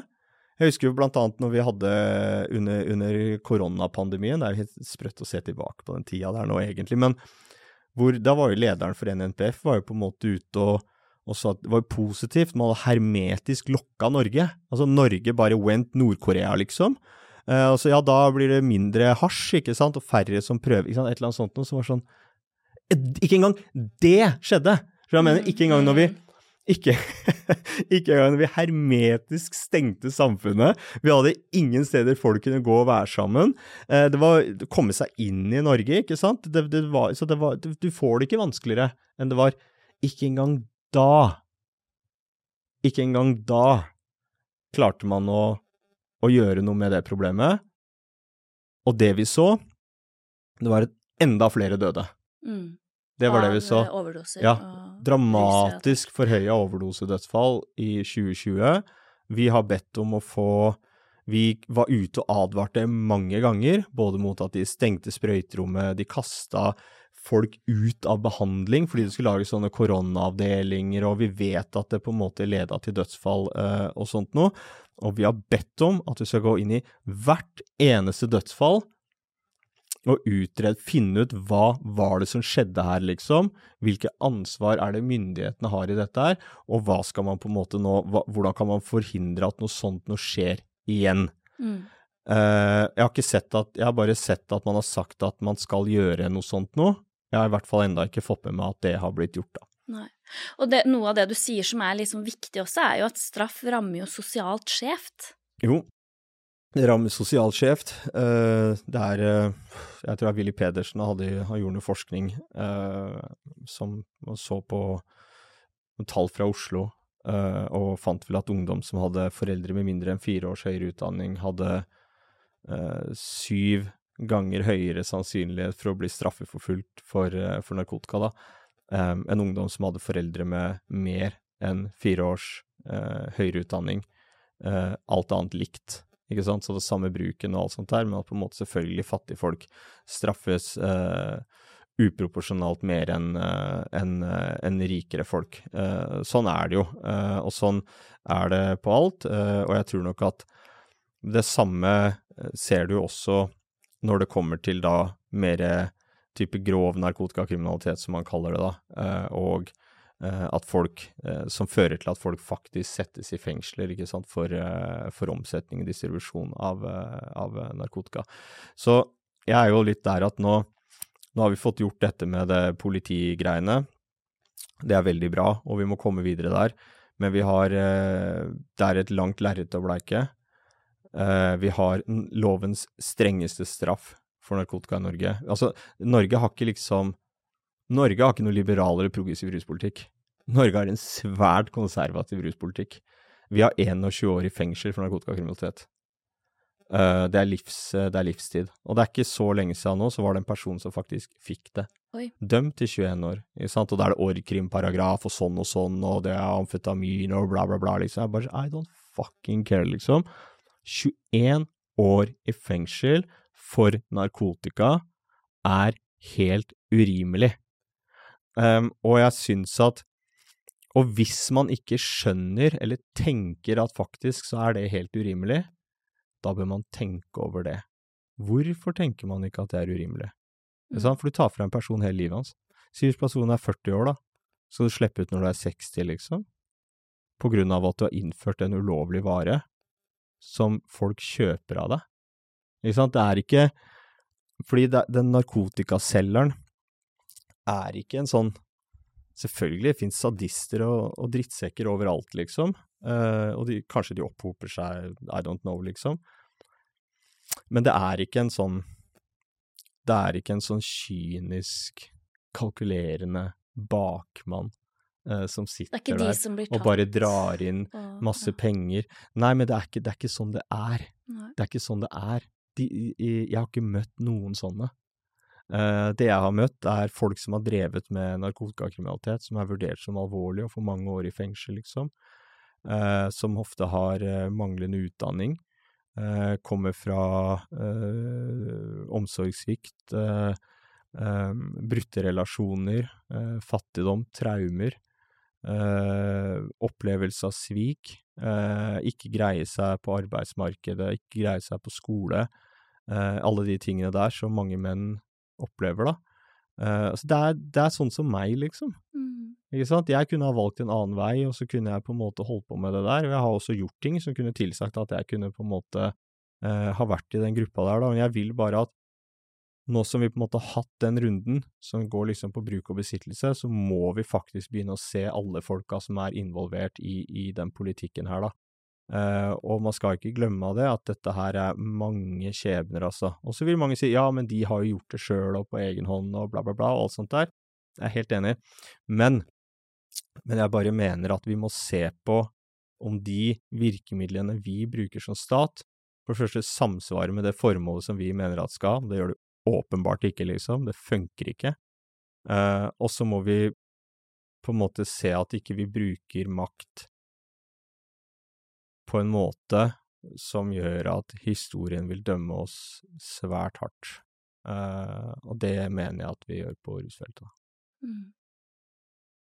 Men du Hvor var det du vokste opp hen? Jeg kommer fra Langhus. Um, har uh, vokst opp der. Uh, Flytta derfra da jeg var 21 år. Um, jeg Holdt på å si hva vil du vite om Langhus? Ja. Der, eh, du hvordan, bare spørre, liksom. Hvordan var det Altså, for jeg Du, du havna jo inn også selv uh, i et uh, Hva skal jeg si i et uh, rusmisbruk, kan man, kan, kan man, si det? Eller du, ja, jeg vil, jeg vil, du var rusavhengig? Ja, ja, ja, I don't care. Ja. Uh, altså, det vil i hvert fall et uh, rimelig høyt forbruk, vil jeg vil si. Uh, Ja, vi kan, vi kan, ta litt om meg, da. Det går ja, helt fint, det. Ja, ja. Litt om din bakgrunn. Yes, yes. Um, jeg uh, vokste opp uh, som enebarn med moren min. Uh, faren min drev med andre ting. Um, kommer fra Langhus. typisk Vi kaller det nedre arbeiderklasse, kanskje. Moren min jobba som en sånn uh, funksjonær på et eller annet kontor inne i Ski med å trykke på en data og røyke Petterøes, liksom. Uh, og senere da som, uh, som barnehageassistent, da. opplevde Vi hadde ikke Vi hadde det fint, liksom, jeg er mutter'n. trangt med penger innimellom. Mm. Var var nok Er nok et barn, holdt jeg på å si, med jævlig kreativ, uh, full av energi uh, og veldig mye humør. Uh, og med veldig lav selvfølelse og dårlig selvtillit. og Hva skal vi si for noe? Um, passa ikke så innmari godt inn på skolen, da, vil jeg si.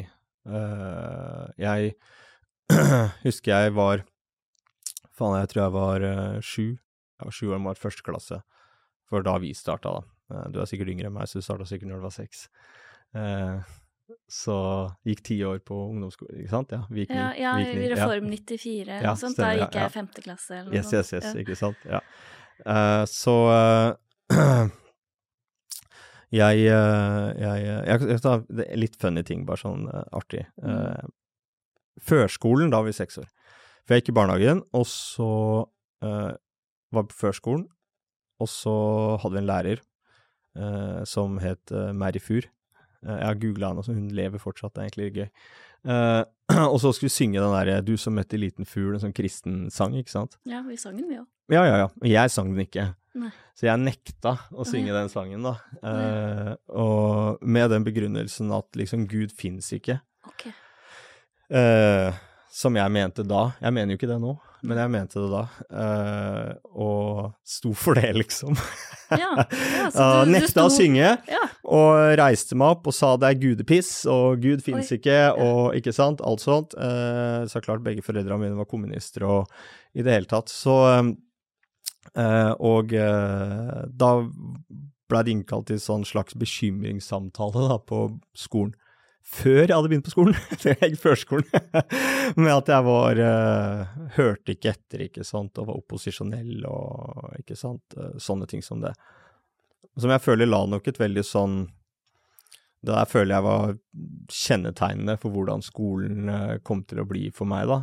Jeg syns skolen var et mareritt. Altså, jeg, jeg var sju år og jeg hadde lært meg å regne og skrive og ikke sant, sånne ting. Jeg leste veldig mye og liksom, var opptatt av ting. Uh, men satt og regna liksom sånn, jeg er sju år, og jeg er liksom ferdig med ungdomsskolen når jeg er 15, som er det obligatoriske, og så er det jo forventa at du skal gå videregående òg. Og så regner jeg at jeg er syv år, og bare barneskolen og ungdomsskolen er ni år. Ja. Så bare det er ikke litt, men ganske mye lengre tid enn jeg har opplevd. Mm. Sant? Så det er hele mitt liv og litt til, Ja, sant? Um, som jeg måtte være på dette stedet. Ja, så høres ikke ut som du trivdes så godt på dette stedet, eller at Nei, jeg, ble, jeg, ble, jeg tror jeg ble dypt deprimert Ja. uh, når jeg gjorde det regnestykket, faktisk. Uh, fordi at jeg syntes det var uh, kjedelig å være der. Um, jeg eh, jeg gikk jo liksom godt overens med andre barn og sånt, det er ikke det, men det er ikke noe det er ikke noe ålreit. Unger er ikke noe ålreit med hverandre, egentlig. Mm. Uh, og jeg var liten og ikke sant, og mange, mange ting der, liksom, og noen av de kan være ganske slemme, og, og du kan bli både redd og traumatisert og ikke sant, alle de tingene der. Jeg opplevde ikke noe trygghet på den skolen. Uh, jeg hadde ikke noen far som var der hjemme som, bare, som kunne stille opp, ikke sant, for, som jeg tror er viktig for liksom en kid, da. Så hva gjør du da? Mm. sant? Eh, du går ikke til psykolog og prater om problemene dine, liksom. Ikke sant? Du, du finner måter å prøve å håndtere det på. Eh, og jeg, det er, jeg er som sagt energisk, full av humør, ikke sant, så det ble mye kødd, liksom. Mm. Du kjeda deg litt, så du trengte kanskje litt spenning eller ting som skjedde? eller Eh, Ja, og jeg måtte, jeg måtte liksom uh, Vanskelig å si sånn i Ja, etterkant ja, hvorfor det. ting skjer, ikke Ja, sant. Eh, man skjønner jo ikke når det skjer, og Nei. etterpå så legger man jo da de tingene vi har nå som et sånn filter oppå det, og Mm. ikke sant. Men jeg, men jeg begynte jo å drikke på skolen, liksom. Jeg var jo ni år. Eh, ikke sant, at vi drakk liksom i friminuttene, og vi gjorde sånne ting, liksom, og jeg, jeg gjorde mye sånn ja, kødd, liksom, da. Fikk de andre elevene til å tenne på skolen, for eksempel, og ja. Shit. Eh, kanskje ikke fortalt den historien før, da. Eh, jeg tror jeg gjorde det sånn eh, Ja, samme det. Eh, men jeg kan fortelle den. det var eh, Jeg tror det var fjerde klasse, så var jeg elleve år. Ti år. Ti år. Em, sommerferien til femte. Ikke sant? Så da var vi på storskolen, så det var liksom oppe på Vevelstad barneskole, heter det. Så det var liksom oppe, som var storskolen, og så var småskolen var nede. Første til tredje og fjerde til sjette opp. Så vi var de store, da, kidsa. Mm. Og så um, skulle vi liksom uh, avslutte skoleåret og ta bokpapir og ikke sant, sånne ting, og kaste kladdebøker, da. Ja. Uh, og jeg steller meg opp på en stol, da. Uh, har jo alltid hatt en sånn tendens til å kunne få med meg folk på ting. Eh, og kan være litt karismatisk, ikke sant, sånne ting, da. Eh, og så steller jeg meg opp på den stolen og, og, og sier liksom 'Hvem her er det som ikke liker matte?' For jeg visste Mm. alle hata matte Ja. mest. Ikke sant. Og alle bare hei, ikke sant. Hvem her er det som ikke liker o-fag, hei? Hvem er det som ikke liker naturfag, hei? Så bare, da foreslår jeg at vi tar eh, alle kladdebøkene, og så set, legger vi det ut, og så tenner vi på de, og alle bare hei! Ikke sant? Så var det en sånn kid, jeg husker Erik, jeg er lighter, jeg bare, da kan du tenne på det, han bare hei! Bare- og så, ja, ja. Og så begynte jo folk å samle bøker og ikke sant, alt sånt, da. Og så da tar jeg og en kamerat da, som heter Håvard, en, eh, var en god venn av meg fra Langhus, eh, og så går vi ned på Langhussenteret da, eh, men på veien så drar vi innom småskolen, går inn i fryseren, tar med oss en sånn is da, som, som lå igjen der, sånn pinup-pakke, som vi tok Mm. med oss, mm. stjal den da. Og gikk ned og så satt oss på Nerkeren. Det var det fjellet som var uh, på Langhus-senteret, dette er veldig sånn for lokalkjente da, men det kaltes Nerkeren. Mm. Fordi at der pleide narkisen å sitte, vet du. Ikke ja. sant? Så det kalte alle for Nerkeren. Uh, vi satt oss i hvert fall på Nerkeren og, og spiste is. Og så, uh, når vi gikk opp til skolen, så bare står alle ute, liksom. Jeg bare skjer'a.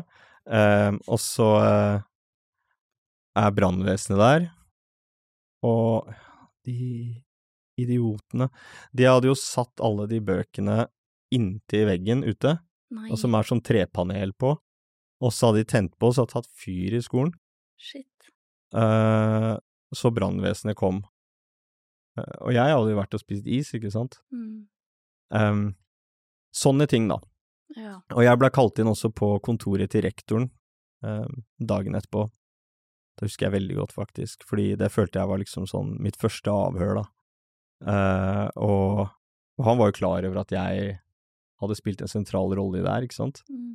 uh, og sier liksom at uh, ja, jeg hørte at du står bak det her. Jeg sier ok, hvordan veit du det?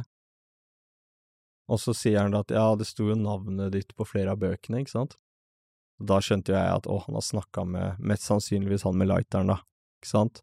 Og så har han sagt at, at det var meg, så jeg liksom ba folk gjøre det, eh, fikk de til å gjøre det. Um, og så er rektoren snill, tenkte jeg, så han har sagt at jeg skal ikke fortelle det.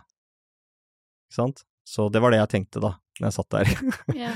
og så, så skjønte jeg at han kom ikke til å være slem mot han med den lighteren. Det er jeg veldig glad for også, det var helt riktig. Eh, så, så jeg sa bare det at eh, Men jeg har ikke hatt så mange bøker. Ikke sant? Dette var alle sine bøker. Og da Han tenkte vel kanskje at jeg kom til å innrømme det da, ikke sant? Mm. Eh, men det gjorde jeg jo ikke. Og så sa jeg at nei, men da Ja, da var det ikke noe mer, da.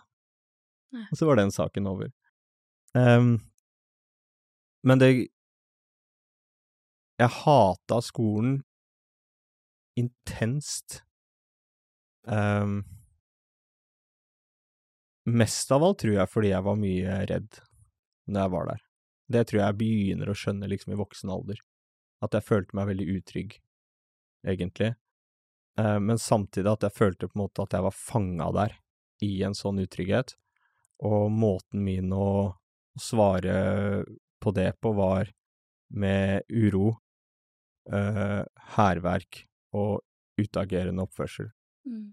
Eh, husker liksom rett før sommerferien, sjette klasse, altså da avslutninga på skolen, eh, så knuste jeg hele inngangspartiet til skolen. Eh, jeg og noen andre venner, da, eh, de samme. Og så husker vi liksom vi drev og kasta noe stein og sånt mot de vinduene, skulle knuse de på det ene inngangspartiet.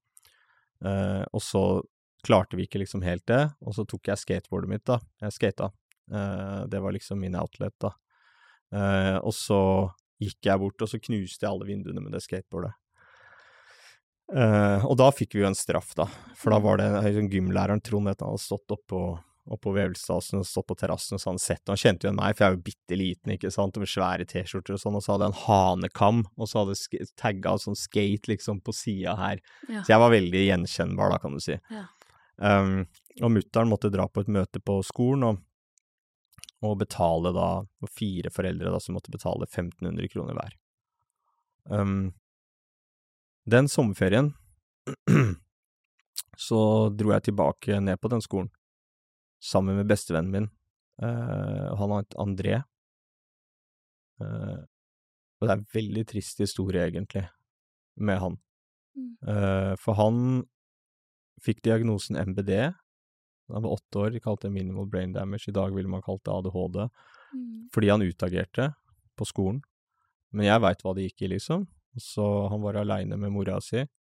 mye alkohol. Uh, faren var ikke der. Sånn at vi ikke vite han. Det er klart å bli utagerende. Sant? Hva, hva andre liksom Så vi tok han ut av skolen og plasserte han på noe som het Follo barne- og ungdomsskole, da, som var spesialskole, med folk som hadde ja, altså kognitive eh, utfordringer, ikke sant, eh, som han da gikk på den skolen der, eh, hele barneskolen, hele ungdomsskolen, og videre til en tilrettelagt videregående, og rett over på ufør. Um, det, livet hans kunne vært helt annerledes, det er jeg helt sikker på, faktisk. Um, men vi gikk ned på skolen, jeg og han, den sommerferien, så klatra vi opp på taket, og det var sånn der flatt tak hvor det lå masse grusstein. Og så hadde vi lagd krampespretter og så tok vi én stein i hvert vindu rundt hele skolen. Det var et bitte lite høl, liksom. Så da tror jeg vi følte at vi liksom hadde gjort opp lite grann. Mm. Um, og så uh, Så jeg var ingen angrende synder, uh, må jeg si. Jeg, jeg følte faktisk at det var det skolegreiene for meg var et, uh, det var et skikkelig, skikkelig ubehagelig greie. Um, ungdomsskolen var verre. Jeg Sjøl om jeg tror ingen som har gått på ungdomsskolen med meg eller barneskolen, tenkte at, jeg, at det var sånn for meg. Men jeg starta liksom Det var sånn første dagen min på ungdomsskolen, så blei jeg kalt inn på kontoret til rektor, da, hvor de sa at vi har fått De har ringt og fortalt oss om deg fra, fra barneskolen, da. Ja. Uh, så vil bare si det at vi følger med på deg, da. ja, Så du fikk ikke starte med blanke ark, i hvert fall? Nei, det kan si at jeg i hvert fall ikke fikk, uh, fikk starte med blanke ark, da. Og, og, ungdomsskolen var Det var på en måte Jeg syns det var mye verre, husker jeg, 7. og 8. klasse. Da følte jeg meg enda mer liksom utrygg, da. og var vel først egentlig, jeg tror i i 9. klasse at ting begynte å falle litt grann på plass. Uh, og det var jo da jeg uh, begynte å bruke cannabis, uh, og liksom levde en litt mer alternativ livsstil, egentlig. Drev med skating og, og sånne ting, og, og, og, gjennom det, for det er liksom kulturen, ikke sant, begynte å, begynte, å, røyke cannabis, da. I tillegg til at jeg tror også for min del så var det også en følelse at jeg begynte å bli voksen.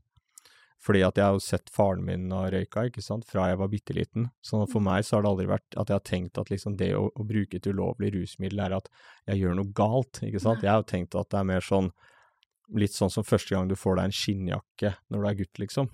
Ikke sant. At du liksom, du gjør et eller annet som på en måte minner om liksom den du ser aller mest kanskje opp til, da. Uh, og jeg begynte å selge det litt òg, da.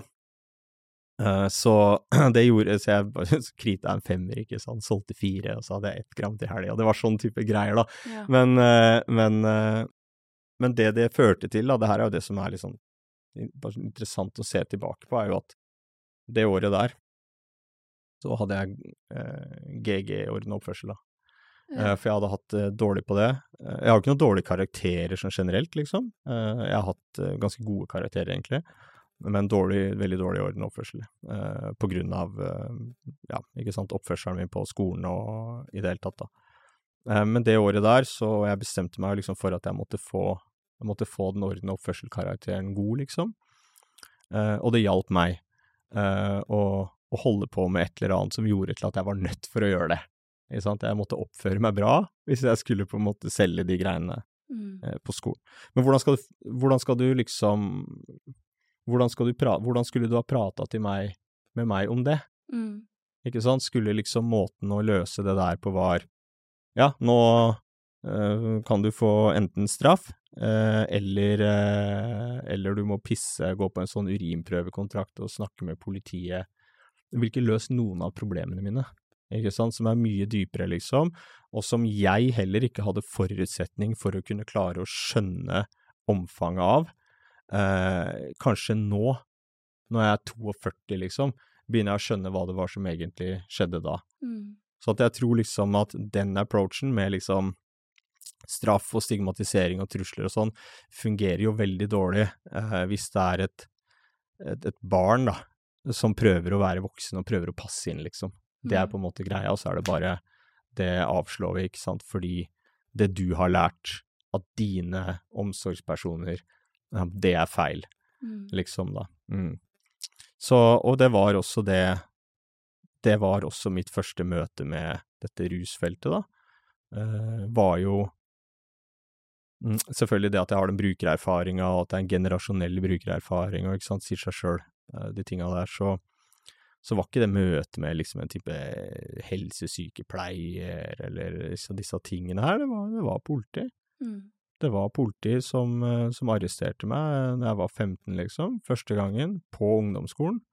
Eh, ikke i skoletida, liksom. Eh, og, og på bakgrunn av at jeg hadde mistanke om at eh, jeg kunne ha røykt hasj, så så helt den vanlige greia, ikke sant. Her var jeg riktignok 15 år, da, så det ble ikke noe stripping og inn på glattcella og sånne ting.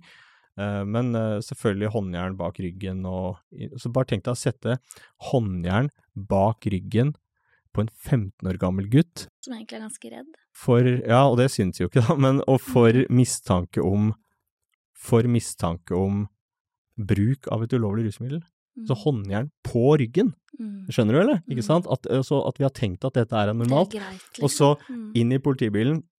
Jeg kan si det, jeg skal fortelle litt om det her, fordi jeg mener jo jeg aisa den situasjonen.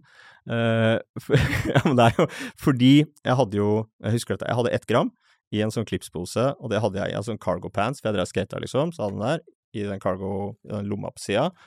Og så um, dreiv han politimannen og skulle ransake meg, og så hadde jeg fått det ut av lomma, og så bak i eh, bokselinningen, da. Mm. Eh, og så eh, skulle han liksom sjekke da rundt bokseren min der og da. Så han tok fingeren sin ned i bokselinningen og trakk liksom rundt sånn.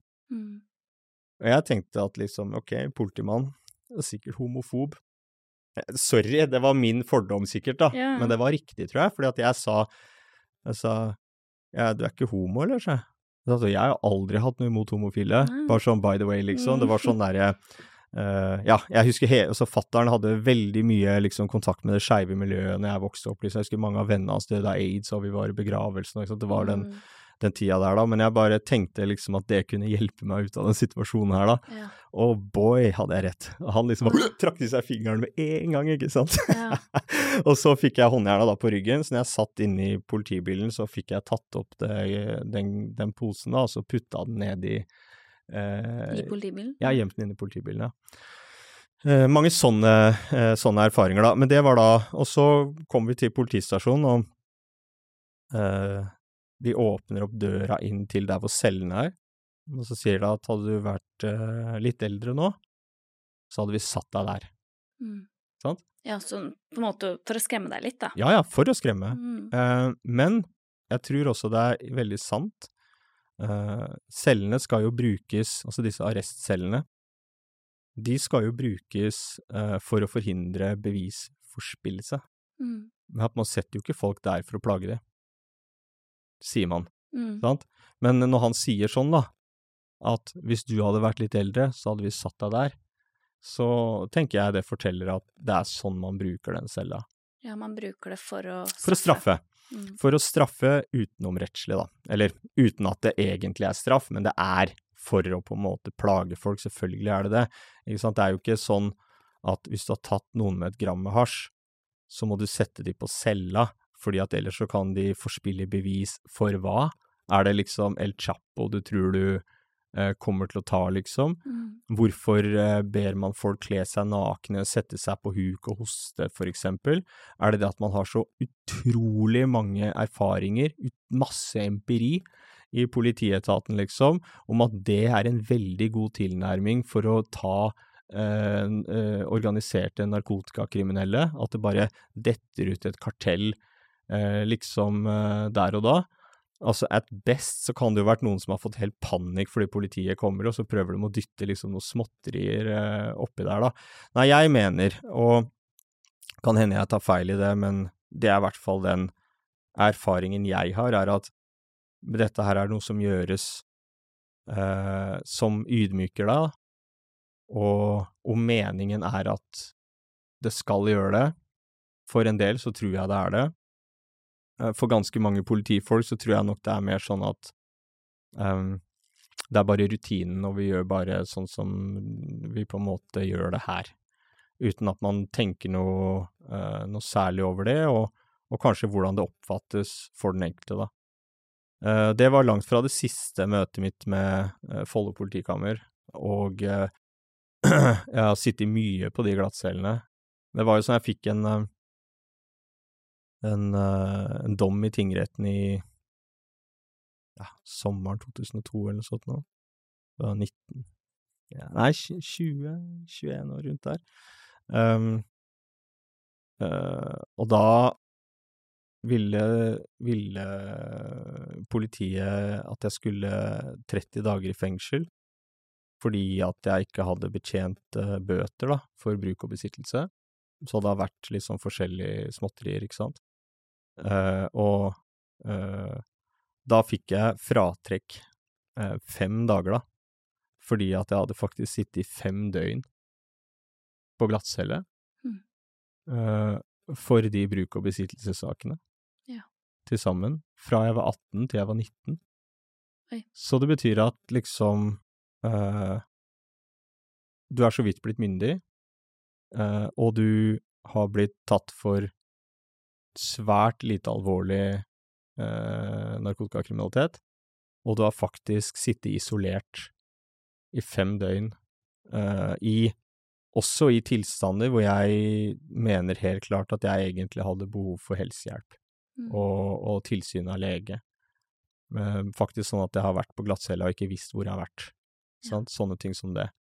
Uh, som jeg tror nok at det er har vært mye tilfelle, og det har nok vært noen dødsfall, det har nok vært veldig mye skader. Ikke sant? Når man sier at straff skader, det er ikke det at straff Å, nå har jeg fått straff, nå skada det meg, liksom, fordi at straff Men det er, ikke sant? det er rå maktbruk. Mm. Ikke sant? Det er skadelig.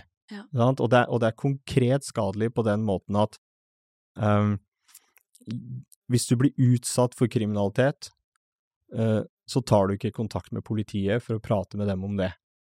Fordi du er i dems søkelys, fordi du tilhører den gruppa, ikke sant, som man på en måte har type, den type praksis mot, som man også nå i etterkant kanskje ser at ja, det har ikke vært så veldig riktig, men faktisk kanskje til og med har vært, eh, vært, eh, vært ulovlig, da. Mm. Mm.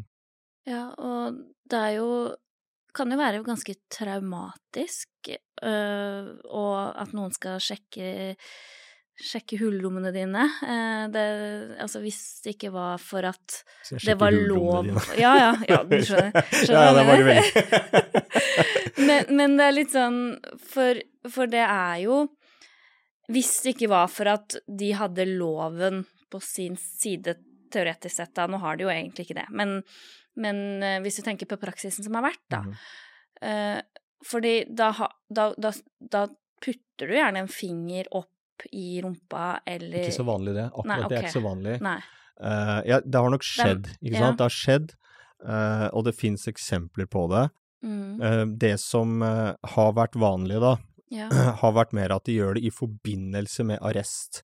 Ja. Eh, den der, Du husker kanskje den eh, boksersaken som var Det var jo på Langhus, det, vet du. Oh, ja. eh, med han derre kiden, han 15 år gamle kiden som de strippa liksom på åpen gate. Så det har skjedd med meg og alle vennene mine, liksom. Mm. Eh, og det, det, var kanskje det minst inngripende. Altså det mer inngripende er jo liksom når du blir med inn på stasjonen, eh, og inn på glattcella, og så er du der inne, liksom. Og så mm. på en måte er det to politibetjenter som beordrer deg til å kle av deg. Og da er det jo liksom for å finne om du har da farlige gjenstander, ikke sant, den type ting, noe du kan skade deg på, bla, bla, bla, bla, bla. Mm. Men poenget er at, som jeg sa, da, du, du, du, er ikke, du, er ikke, på den glattcella der for å forhindre bevisforspillelse. Nei. Jeg kjøper ikke den, ikke sant. Man blir satt på den glattcella, og så gir det retten, ikke sant, til å ta den den eh, veldig kroppslige undersøkelsen som det er, da. Mm. Eh, så det som er vanlig, er at man kler av seg alle klærne, og så går du gjennom klærne, og så står du kanskje igjen i undertøyet, eh, og så må du ta av deg den. Um, og så må du for eksempel, uh, som har vært min, det jeg har måttet gjøre, da Jeg har aldri måttet ta den hostevarianten, uh, tror jeg. Men jeg har i hvert fall måttet liksom bøye meg fram, da, og så ta liksom hånda på ja. rumpeballene, Mm. og så trekke til sida, da. Mm. Eh, og så er det en eller annen person da som sitter på knærne og liksom ser inn der. Jeg, altså Det er ingen vinner i den uh, Altså, for et loseropplegg, liksom. Det er, ja, eh, det er men, og det er, ikke sant, og da også gjerne at du må ja, løfte på pungen, ikke sant, bla, bla, bla, og så skal de gå gjennom bokseren og sjekke den og sånt, og så får du kanskje klærne dine på deg igjen, og så blir du sittende der noen timer, da, ikke sant, og kan, huske husker jeg har spurt liksom om jeg kan få noe å lese eller noe sånt, og så er det alltid jakt og fiske. Ja, ok. Det er så andre mennesker enn meg, liksom. Ja. Eh, jakt og fiske, og kanskje en sånn liten melkekartong og noe, noen brødskiver og sånt, da. Så, men, men. Så det, så det har vært liksom det har vært, eh, det har vært egentlig den, den standard, eh, standard eh, praksisen eh, som har vært, da. Og så, ok, da er man ferdig med det, og så har du sittet der på glattcella og sånt, og du skal ut om morgenen, og da var det å få et sånt forenkla forelegg med seg på 2000-3000 kroner, ikke sant. Mm. Eh, For meg, altså, jeg kom fra liksom Vi hadde jo ikke noe mye penger, sant, og jeg hadde jo ikke noe mye penger, og var egentlig ganske Ja. Eh, Og så da, når du har et Etter hvert eh, fikk jeg jo en alvorlig rusavhengighet også, liksom. Eh, Så de der bøtene der, ikke sant, hva skal jeg gjøre med? Jeg kunne ikke betalt det om jeg hadde, om jeg hadde villet engang. Hadde ikke greid det, liksom så var det jo de som skulle på en måte føre til at jeg da skulle settes en måned i fengsel, ikke sant, for disse bruk- og besittelsessakene. Mm. Sånn at jeg er ikke enig i den derre helt den der ideen om at folk aldri settes i fengsel for bruk og besittelse. Jo da, de har blitt gjort det. Fattige folk Mm. settes i fengsel for bruk. Folk som ikke kan betale bøtene sine, um, og det er ikke store summer. Nei. De settes i fengsel, og jeg tror at hvis de hadde hatt penger til å betale de bøtene, så hadde de betalt de bøtene. Fordi at det er mye bedre å kunne bare betale en bot og bli ferdig med en sak, eh, enn å måtte reise inn, sitte i fengsel, eh, bli abstinent i fengselet, eh, være eksponert for alle de tingene, ikke sant, man er, er i fengselet da.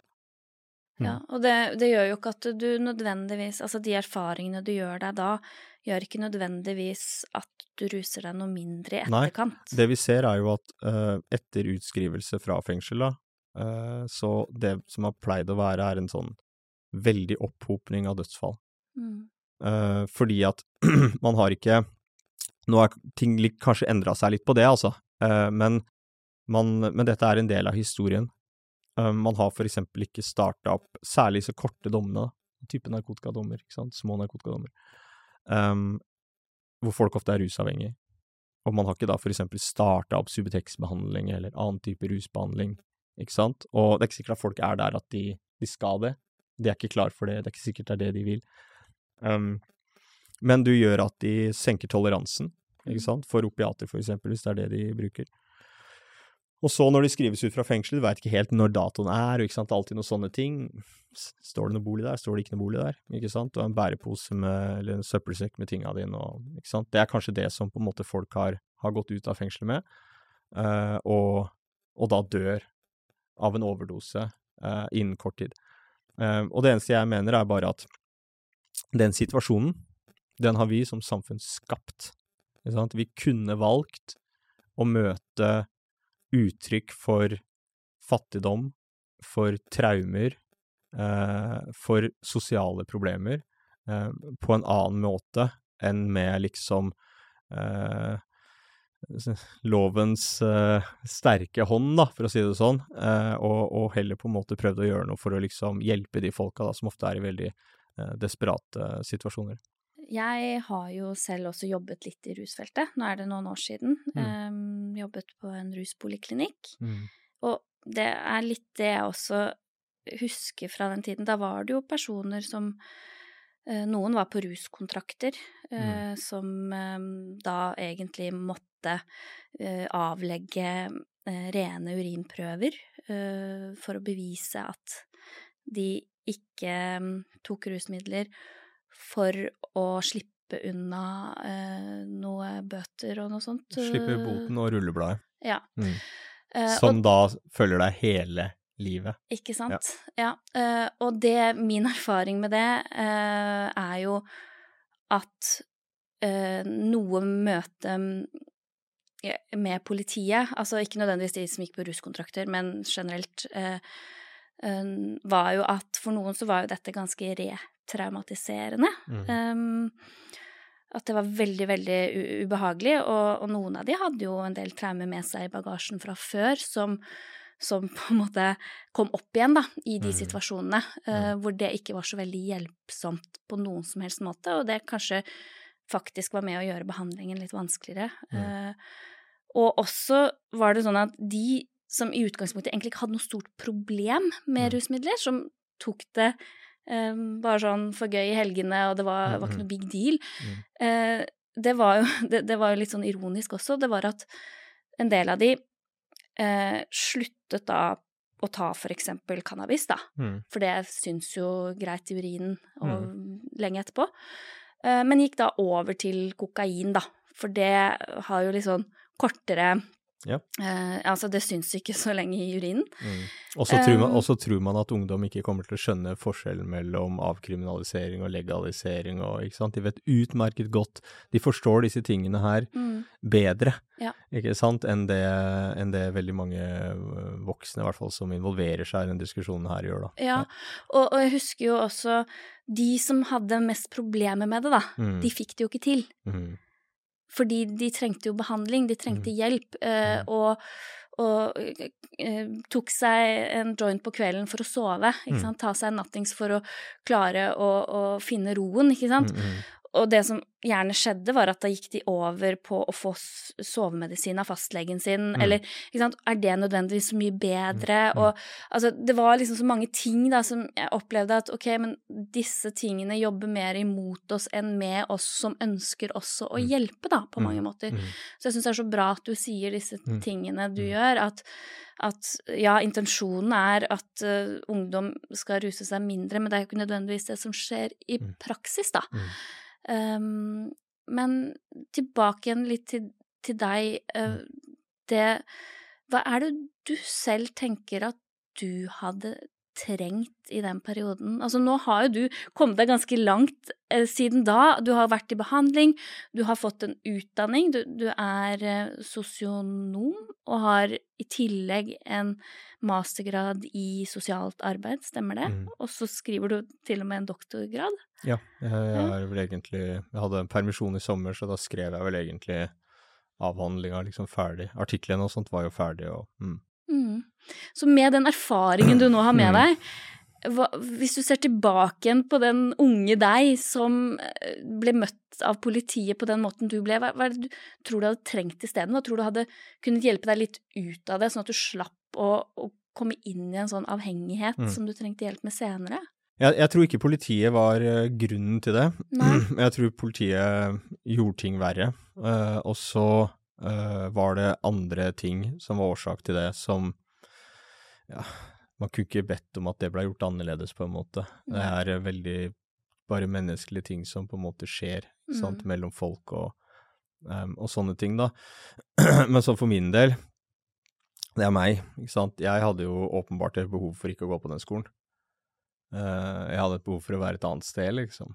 uh, og få på en måte tror jeg kanskje jeg hadde mange kreative sider. Jeg var en veldig engasjert eh, barn, liksom, som var opptatt av veldig mye. Jeg spilte instrumenter, jeg på en måte leste, jeg var opptatt av religion, filosofi, liksom historie, eh, alle mulige sånne ting. Jeg skata.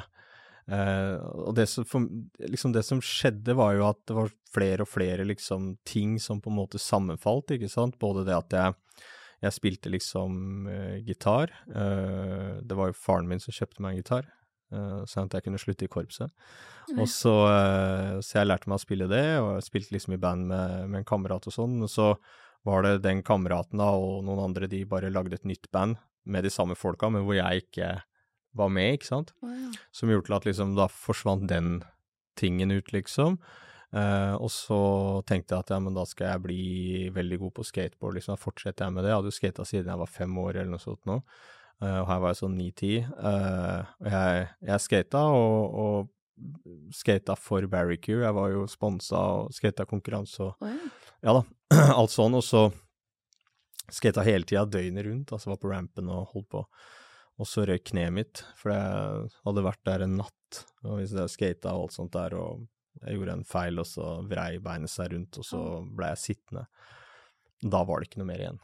Det var liksom, det var last line, liksom, var egentlig det, uh, det der, da. Så jeg tror sånn Jeg prøvde jo sjøl, ikke sant, Mm. uh, og så var jeg veldig sårbar, liksom, for at hvis jeg følte at jeg kanskje ikke fikk det helt til, eller et eller annet sånt, da kunne jeg like gjerne på en måte gi opp, eller ikke sant, sånne ting, da.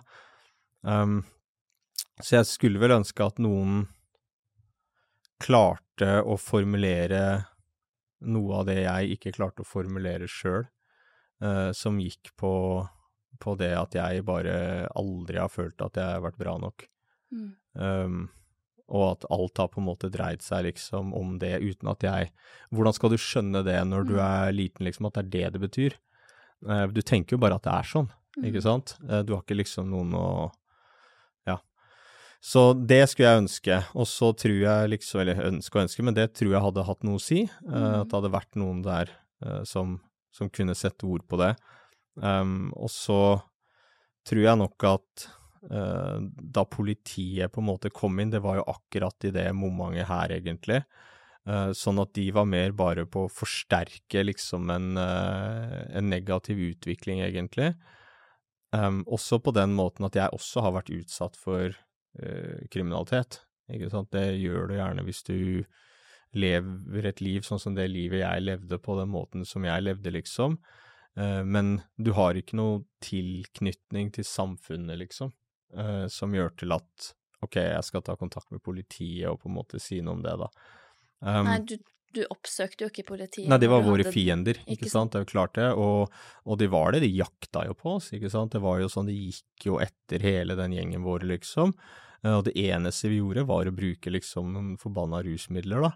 Eh, og det var jo, de kunne arrestere liksom vennene dine omtrent, ikke sant, for å på en måte, for at de skulle si hvor du var, og ikke sant, så det var liksom ikke, det var på en måte, var på en måte, altså, jeg kan bare ikke se for meg en dårligere måte å møte noen på, da, eh, enn eh, på den måten. Det er sånn hei, jeg, eh, jeg har litt utfordringer, og dette er et uttrykk for det, liksom. Jeg prøver å regulere følelsene mine, jeg er en kid, liksom. Ja, kle av deg nå. skal vi Mm. se opp i rumpa, liksom. Og så skal du sitte på glattcella der, liksom, full av speed og ikke sant, aleine ti timer og tenke over tingenes tilstand, liksom. Mm. Så, så, så er nok det at man både ikke Skolevesenet har jeg veldig mange eh, kritiske bemerkninger til. Jeg tror nok det er sånn veldig, eh, veldig viktig arena man kan gjøre ting eh, veldig annerledes, liksom. Og så må på en måte politiet ikke drive med den type De må gå etter de må etterforske og på en måte holde på med kriminalitet og holde samfunnet trygt, ikke sant, ikke drive og skyte bitte små usikre spurv med liksom eh, kanoner, da. Eh, Jeg kan forstå at det er fristende, liksom, fordi det er lett oppklarte straffesaker. Um, og så tror ikke jeg på det at man bare har gjort det for å få statistikken opp og sånt. Eh, jeg tror nok at det er behagelig, det har vært behagelig for mange politifolk eh, å kunne drive og å gå etter relativt svake folk, da, eh, som ikke er så farlig, eh, som ikke du kan forvente at du får noe særlig motstand fra, egentlig, eh, og på en måte da har du liksom gjort jobben din, du har avdekka straffesaker, og du har samtidig forebygga, for jeg tror liksom at de fortalte seg sjøl at dette her var forebyggende, da. Mm. Ikke sant? De sa jo til mutter'n og sånt når de var der, liksom at ja, vi må ta de hele tida til de skjønner at det er feil, sånn at de slutter. Mm. Ikke sant? Det er det man på en måte det er det man på en måte har tenkt, men man tar liksom ikke hensyn til at kanskje det er veldig mange ting som er feil i livet til folk, som gjør til at de gjør det. Ikke sant? Og uavhengig av hva det er som er grunnen til det, ja vel, så gjør de det, da. Mm. Big fucking deal, liksom. Det- Hva de gjør med kroppen sin, liksom. ja. Og, og det er jo, men man har hatt en sånn idé, vet du, At liksom narkotika er veldig farlig. Farligere enn alt annet. Og det er sånn at hvis du får i deg og du prøver litt og sånn, da kan du havne i ulykka da, vet du, og bli narkoman, og så står du nedpå plata der og uten tenner i kjeften og bla, bla, bla. Ikke sant? Vært den ideen. Eh, og det er å forplanta seg sjøl i, i helsevesenet, liksom, hvordan man tenker om det. Altså, man har kalt det kronisk progressiv tilbakefallende hjernesykdom. Jeg husker de hadde en sånn der eh, hjerneskanning-oppheng en stund, hun eh, Uh, og det høres jo for meg, liksom, sjøl om man mener jo da med kronisk kanskje tre måneder og ikke sant, sånne ting, men det virker jo rimelig dystert, da. Mm. Ja, at jeg tror det er det første liksom folk tenker, og, og, at det er ikke så mye man får gjort med dette her. ikke sant? Det er liksom når man først har kommet dit, og så er det sånn Å, du er jo så flink, har klart å komme deg ut. Det er alle de der tingene der da, som jeg mener er basert på en misoppfattelse av hva rusbruk, rusavhengighet og de tingene der er. Jeg, jeg sliter fortsatt med å skjønne mitt eget, liksom hva hvorfor og hva som har vært og ikke sant, sånne ting. Men hvis du ser på fordi at man så jo da på heroinavhengige som var i behandling, ikke sant? Og det vi vet, er at det er en opphopning av mange forskjellige ulike utfordringer som gjør til at folk ok, jeg skal legge meg på institusjon. Det er ikke bare at du ruser deg, sa på et rusmiddel. Men så har man skanna hjernen til dem, da, ikke sant, og da i den settingen, og da utleda en sånn type Ikke sant, at uh, kronisk progressiv tilbakefallende hjernesykdom. Det er problemet. Man har redusert det til et eller annet feil inn i hjernen til de folka. Det er ganske mm. Mens når du ser på uh, befolkningsundersøkelser, så ser du noe ganske annet, og det er at det er progressivt, uh, altså vi skal ha tilbakefallende til ikke å bruke. Sånn at de aller fleste som på et eller annet tidspunkt har hatt et forbruk som man ville klassifisert som at her er det et rusmisbruk, da, eller en, en rusavhengighet, og, ikke sant, på et tidspunkt senere i livet har redusert eller har avslutta den bruken, enda litt senere i livet redusert enda mer eller avslutta bruken, osv., så, videre, så går det den retninga. Mm. Ikke sant? For at det pleier å være i eh, tenåra, begynnelsen av 20-åra, og for de aller fleste som er aldri innom behandlingsvesenet, ikke sant, eh, så er det andre ting i livet som, som, de er nødt for å fokusere på. Ikke sant? Eh, hvor de har hatt en utagerende festing eller whatever, liksom, i en periode, og så er det om de har fått unger, eh, eller om de har en familie, eller om de har fått seg en jobb, eller ikke sant, det kan være mange forskjellige grunner, men du ser fra sånn midten av 20-åra utover, så på en måte avtar dette her litt av seg sjøl. Mm. Men så er det forskjell mellom grupper. Og amerikanerne er jo alltid sånn uh, veldig opptatt av rase. Ja, de sier race, jeg syns det er så sjukt, liksom. Ja, ja, ja. Alle er enige at det ikke er menneskerase, men, de, liksom, ja, men de sier race, liksom. Det, er ikke, det er jo ikke en rase. Men ok, uansett, da. Men, ja, ikke sant, men iallfall uh, Og da hvor de har da sett på, på, på type afroamerikanere, hispanics, ikke sant, og mm. hvite. Um, og så um, Da er det dårligere prognoser for både svarte og for uh, hispanics. Mm. Ikke sant? Hvorfor det? Uh, kan det ha noe med at de har uh, dårligere Altså, de har dårligere forutsetninger, ikke sant? De har færre ting i samfunnet som står der med muligheter som du kan på en måte utfolde deg i og forplikte deg til, som gjør til at på en måte det andre må ta mindre plass, liksom, i livet ditt, da. Ikke sant? Og for å få til det, så vet du, da må du snakke med folk, og du må sånn og sånn, og alt det der, da.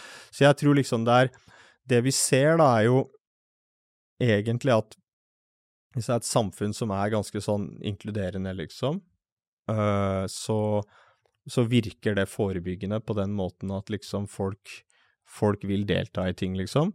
Uh, og så er det noen grupper uh, som faller utenfor.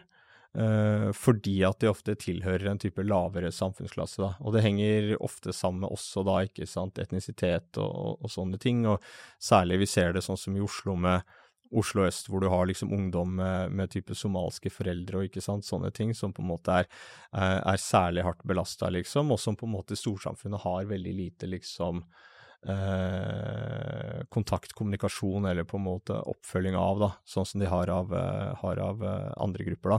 Så hvis du ser i det perspektivet, bare det som går på bruk, eh, så vil jo tiltak du skal sette inn for å redusere rusbruken, vil jo dreie seg om det.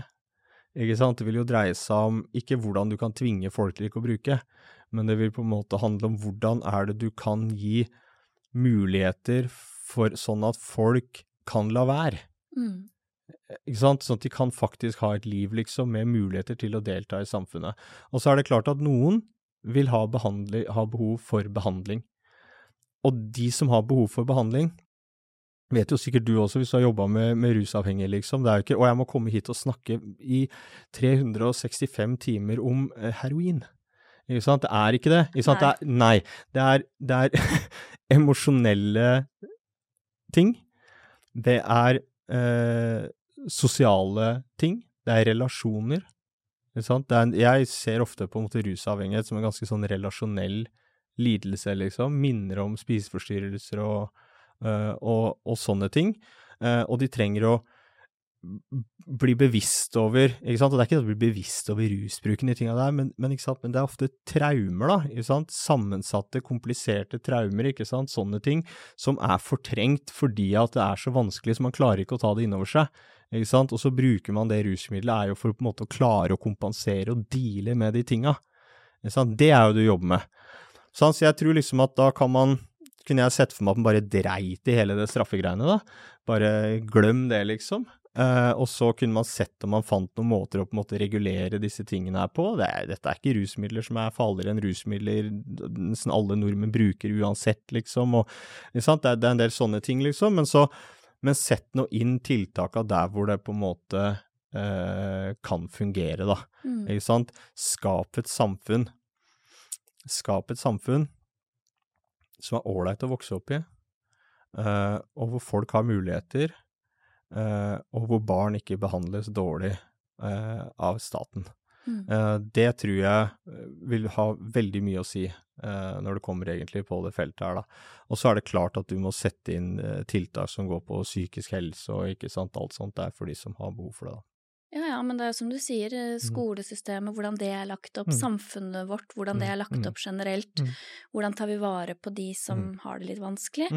Uh, og så er det jo litt det der med uh, når noen først har bestemt seg og ønsker å bruke et rusmiddel, at man uh, sørger for trygg bruk, som tryggere ruspolitikk mm -hmm. jobber for. For det er jo faktisk litt rart, hvis man tenker på det, at det er jo ingenting annet vi gjør med vår egen kropp som vi straffes for ja, nå må jeg tenke. Kanskje ja. det er det. Men uh, ikke, Ja, ikke ja, jeg vet ikke. Vet. Du straffer ikke en som uh, ikke spiser, som driver med selvskading på andre måter, uh, som ikke behandler seg selv og kroppen sin på en god måte, som også er skadelig, ja. som blir straffa for og, og, ikke ivareta seg selv, da. Mm. For det er jo i praksis det vi gjør. Altså noen, velger å, ta, noen velger å gjøre noe mot kroppen sin mm. som de vet selv ikke egentlig nødvendigvis er så bra, eller som eh, man tenker at ok At det er verdt det. ja. Altså de, de, folk som gjør det, de, de, har jo en grunn til å gjøre det. Og mm. noen tenker kanskje at ok, men de positive sidene ved å ruse seg på dette veier opp for de negative mm. sidene. Eh, og det gjør man selv om man kan bli straffet for det. Og så er det litt sånn, hvorfor da straffe folk for noe de velger å gjøre med sin egen kropp? Jeg skjønner at man um, må eh, straffe folk som kjører i ruspåvirket tilstand, hvor man kan skade andre. Mm at man har uh, barn man ikke ivaretar fordi man bruker rusmidler. Mm. Sånne type ting. Da går det mm. utover andre. Da tenker jeg at da må samfunnet ta et ansvar. Mm. Men hva jeg velger å putte inn i min egen kropp, mm. at jeg selv skal bli straffet for noe jeg gjør mot meg selv. Mm. Bare sånn rent sånn Det blir sånn rent sånn vel... filosofisk, så mm. er jo det en litt sånn På en måte en litt sånn rar greie. Altså skal noen straffe meg for at jeg overspiser, for eksempel, så det, da, da, skjønner man jo at det åpenbart Da trenger jeg hjelp til å la være å overspise. Mm. Da trenger jeg ikke å bli straffet for å gjøre det, teoretisk sett, da, ikke sant? Mm. Men her ville man jo straffa deg i det, helst idet du tok det første stykket av en brødskive. Førstegangsbruk, vet du. Sånn at du kan forhindre at du, at, du, at, du, at du, gjør det senere. For man har jo ikke skulle liksom straffe folk for rusavhengigheten. Det er det her som også er veldig sånn interessant, for det skal man i hvert fall ikke straffe. Når du er rusavhengig, da kan du på en måte ikke for det sjøl, da. Eh, men jeg følger deg helt, liksom. Det er, eh, det er, eh, det er jo min sånn prinsipielle standpunkt her. Ikke sant? Det er at uavhengig av om avkriminalisering ville ført til mye mer bruk, eller sånn eller sånn, liksom. Uavhengig av det, så mener jo jeg at i et fritt samfunn så må det være liksom min kropp, mitt valg, faktisk. Eh, det, er, eh, det er på en måte Det er helt avgjørende eh, for meg hvis jeg leve, hvis jeg skal leve i et fritt samfunn. Da. Mm. Mm. Men nå, nå, har vi snakket om veldig mye, mm. eh, og jeg syns det har vært veldig interessant å mm. snakke med deg. Mm. Men hva tenker du nå om veien videre når det kommer til ruspolitikk? Hva er det eh, Rio jobber mm. for, uh, for veien fremover? Flere ting. Vi, vi, jobber jo for å Nå er det å utvikle dette medlemsdemokratiet, sånn at liksom det her skal være en, en virkelig slagkraftig organisasjon i, i, mange år fremover. Men det er flere ting um, som vi jobber med politisk. Det er jo uh, uh, Blant annet så, så har jo uh, Altså noe av begrunnelsen da, si, for regjeringspartiene for å, å, å, avstå fra å stemme for rusreformen, var jo at de mente at det forrige regjeringa ikke satsa nok på hjelp, ikke sant? som kom bare sånn helt på slutten, egentlig. Når, det, når på en måte, jeg tror Arbeiderpartiet skjønte at de gikk i gæren retning i eget parti, så kom da dette behovet for en, en behandlingsreform, eller ikke sant, noe sånt noe, da. Uh, og den venter vi jo på. Uh, det skal jo komme en type forebyggings- og behandlingsreform en eller annen gang i løpet av 2024 fra, uh, fra regjeringa, da. Men siden da, siden man sa at vi kan ikke slutte å straffe Altså, vi kan ikke avkriminalisere, vi kan ikke gå fra straff til ingenting, ikke sant, så behandlingsvesenet må styrkes. Så har man kutta i behandlingstilbudet. Eh, det første var at man Da hadde avviklingen av godkjenningsordningen for fritt behandlingsvalg. Den tror jeg utgjorde rundt eh, 250 plasser eller noe sånt nå, årlig. Eh, stykkprisfinansierte plasser eh, som går på siden av det der ordinære anbudsregimet. Som Ordningen er i seg selv problematisk, for at den på en måte Man har stilt så strengt beleggskrav til de andre private som har avtale med f.eks. Helse Sør-Øst, Helse Nord, Helse Vest, sånn at de, de, på en måte går i minus og må ta lån og ikke sant, sånne ting. Så det var, det var, en rar ordning, men det var jo noe vi støtta da den ble innført i 2013. Og så skulle de avvikle den nå, eh, og det vi var veldig opptatt av, det var at når de nå avvikler den ordninga, eh, så må ikke det føre til at det blir en reduksjon i kapasiteten i tiltaksapparatet. Ikke sant? Så vi ba om at de gjør, enten gjør direktekjøp innafor bestående avtaler, sånn som for eksempel hos Tyrili eller Fossum eller hvem som helst, det har de anledning til å gjøre. Så lenge det holder seg innafor 10% eller sånt av den totale avtalen, liksom, så kan de gjøre det uten at det lyses ut anbud og er sånn anbudskonkurranse og sånn. Men vi ba også om at det gjøres en tilleggsanskaffelse, altså at det gjøres en offentlig anskaffelse, sånn at de pengene man sparte mm. på å ikke sant, avvikle den ordninga som man mente handla ikke om at man skulle spare penger, men det var at man ideologisk var det gærent og ikke sant, sånne ting, slapp de kommersielle aktører og sånn. Og da ville jeg jo gjerne sett at de pengene ble tilført rusfeltet. Selvfølgelig. Det har jeg ikke sett. Så det, det, er, vi, det er, vi, kritiske til. Eh, og så eh, kommer det en ny eh, offentlig anskaffelse nå, i, faktisk i, nå i november, tror jeg den kommer til å bli lyst ut av Helse Sør-Øst. Um, det er en uh, økonomisk ramme på 1,4 milliarder kroner, så det er egentlig all langtids døgnbehandlinga i, i Sør-Øst-regionen, da. Uh, for det er lagt til uh, de private ideelle, egentlig. de avtalene som er nå, de er Det var faktisk da jeg begynte å liksom engasjere meg på rusfeltet, i 2012. Fordi at jeg opptatt av å redde den institusjonen vi hadde vært i behandling på, faktisk fra nedleggelse etter at de tapte en anbudsrunde i Helse Sør-Øst. Hvilket vi også lyktes med, og det ble kjøpt 200 nye langtidsdøgnplasser, sånn kapasiteten ble betydelig styrka den gangen. Um, men nå har det vært gjort en ny behovsvurdering, og det skal gjøres en anskaffelse, og avtalene er sagt opp. Og de avtalene som er, de har da eksistert siden 2012. Siden 2012 har det skjedd noen ting. Det har, har, skjedd ganske mye. Um, blant annet har vi fått um, økte kvalitets- og kompetansekrav. Det har kommet nye retningslinjer fra Helsedirektoratet. Det er en del sånne ting. Vi har vært veldig opptatt av at det skal være bedre behandling av personer som har samtidig rus og psykiske lidelser, så ROP. Mm. Uh, at det skal ha en bedre kompetanse på folk med minoritetsbakgrunn. Um, og så har Uh, og så har disse avtalene blir jævla teknisk, da, og jeg kan jo sikkert ikke halvparten av det jeg prater om uansett, men i hvert fall de avtalene som er, da, de har blitt prisregulert med noe som de kaller for deflator. Yeah. Uh, og det er en måte å regne prisutviklingen og kostnadsutviklingen i samfunnet, liksom. Uh, mens det vi er vant på, sikkert du og jeg ser på, så er det jo konsumprisindeksen, ikke sant, som på en måte måler liksom hvor dyrt det er å forbruke, da.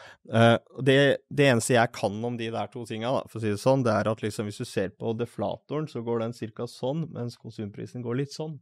Ja. Sånn at uh, de samsvarer ikke helt, liksom, og det er et skikkelig, liksom, egentlig opplevd økonomisk etterslep for de som har de avtalene, så de er allerede ganske sultefora, Oh, ja. ikke sant, på penger. mm. Um, så det vil si at de avtalene er billigere, ikke sant, og det har blitt billigere over tid, fordi at på en måte man har ikke fulgt konsumprisen, ikke sant, det er det. ja. Sånn at når man da nå, og det vi vet, er at er jo at man har ikke fått noen større ramme. Det er en ganske lik økonomisk ramme, og man skal da si opp alle disse gamle avtalene, gjøre nye avtaler med økte krav, økt kompetanse, bemanningstetthet, alle de tingene. Jeg har veldig vanskelig for å se for meg at ikke det i praksis vil føre til selvfølgelig eh, kanskje bedre kvalitet på tjenesten, men en betydelig reduksjon i tilbudet. Det tar lengre tid å på en måte komme deg til behandling, eller du får en kortere behandlingstid.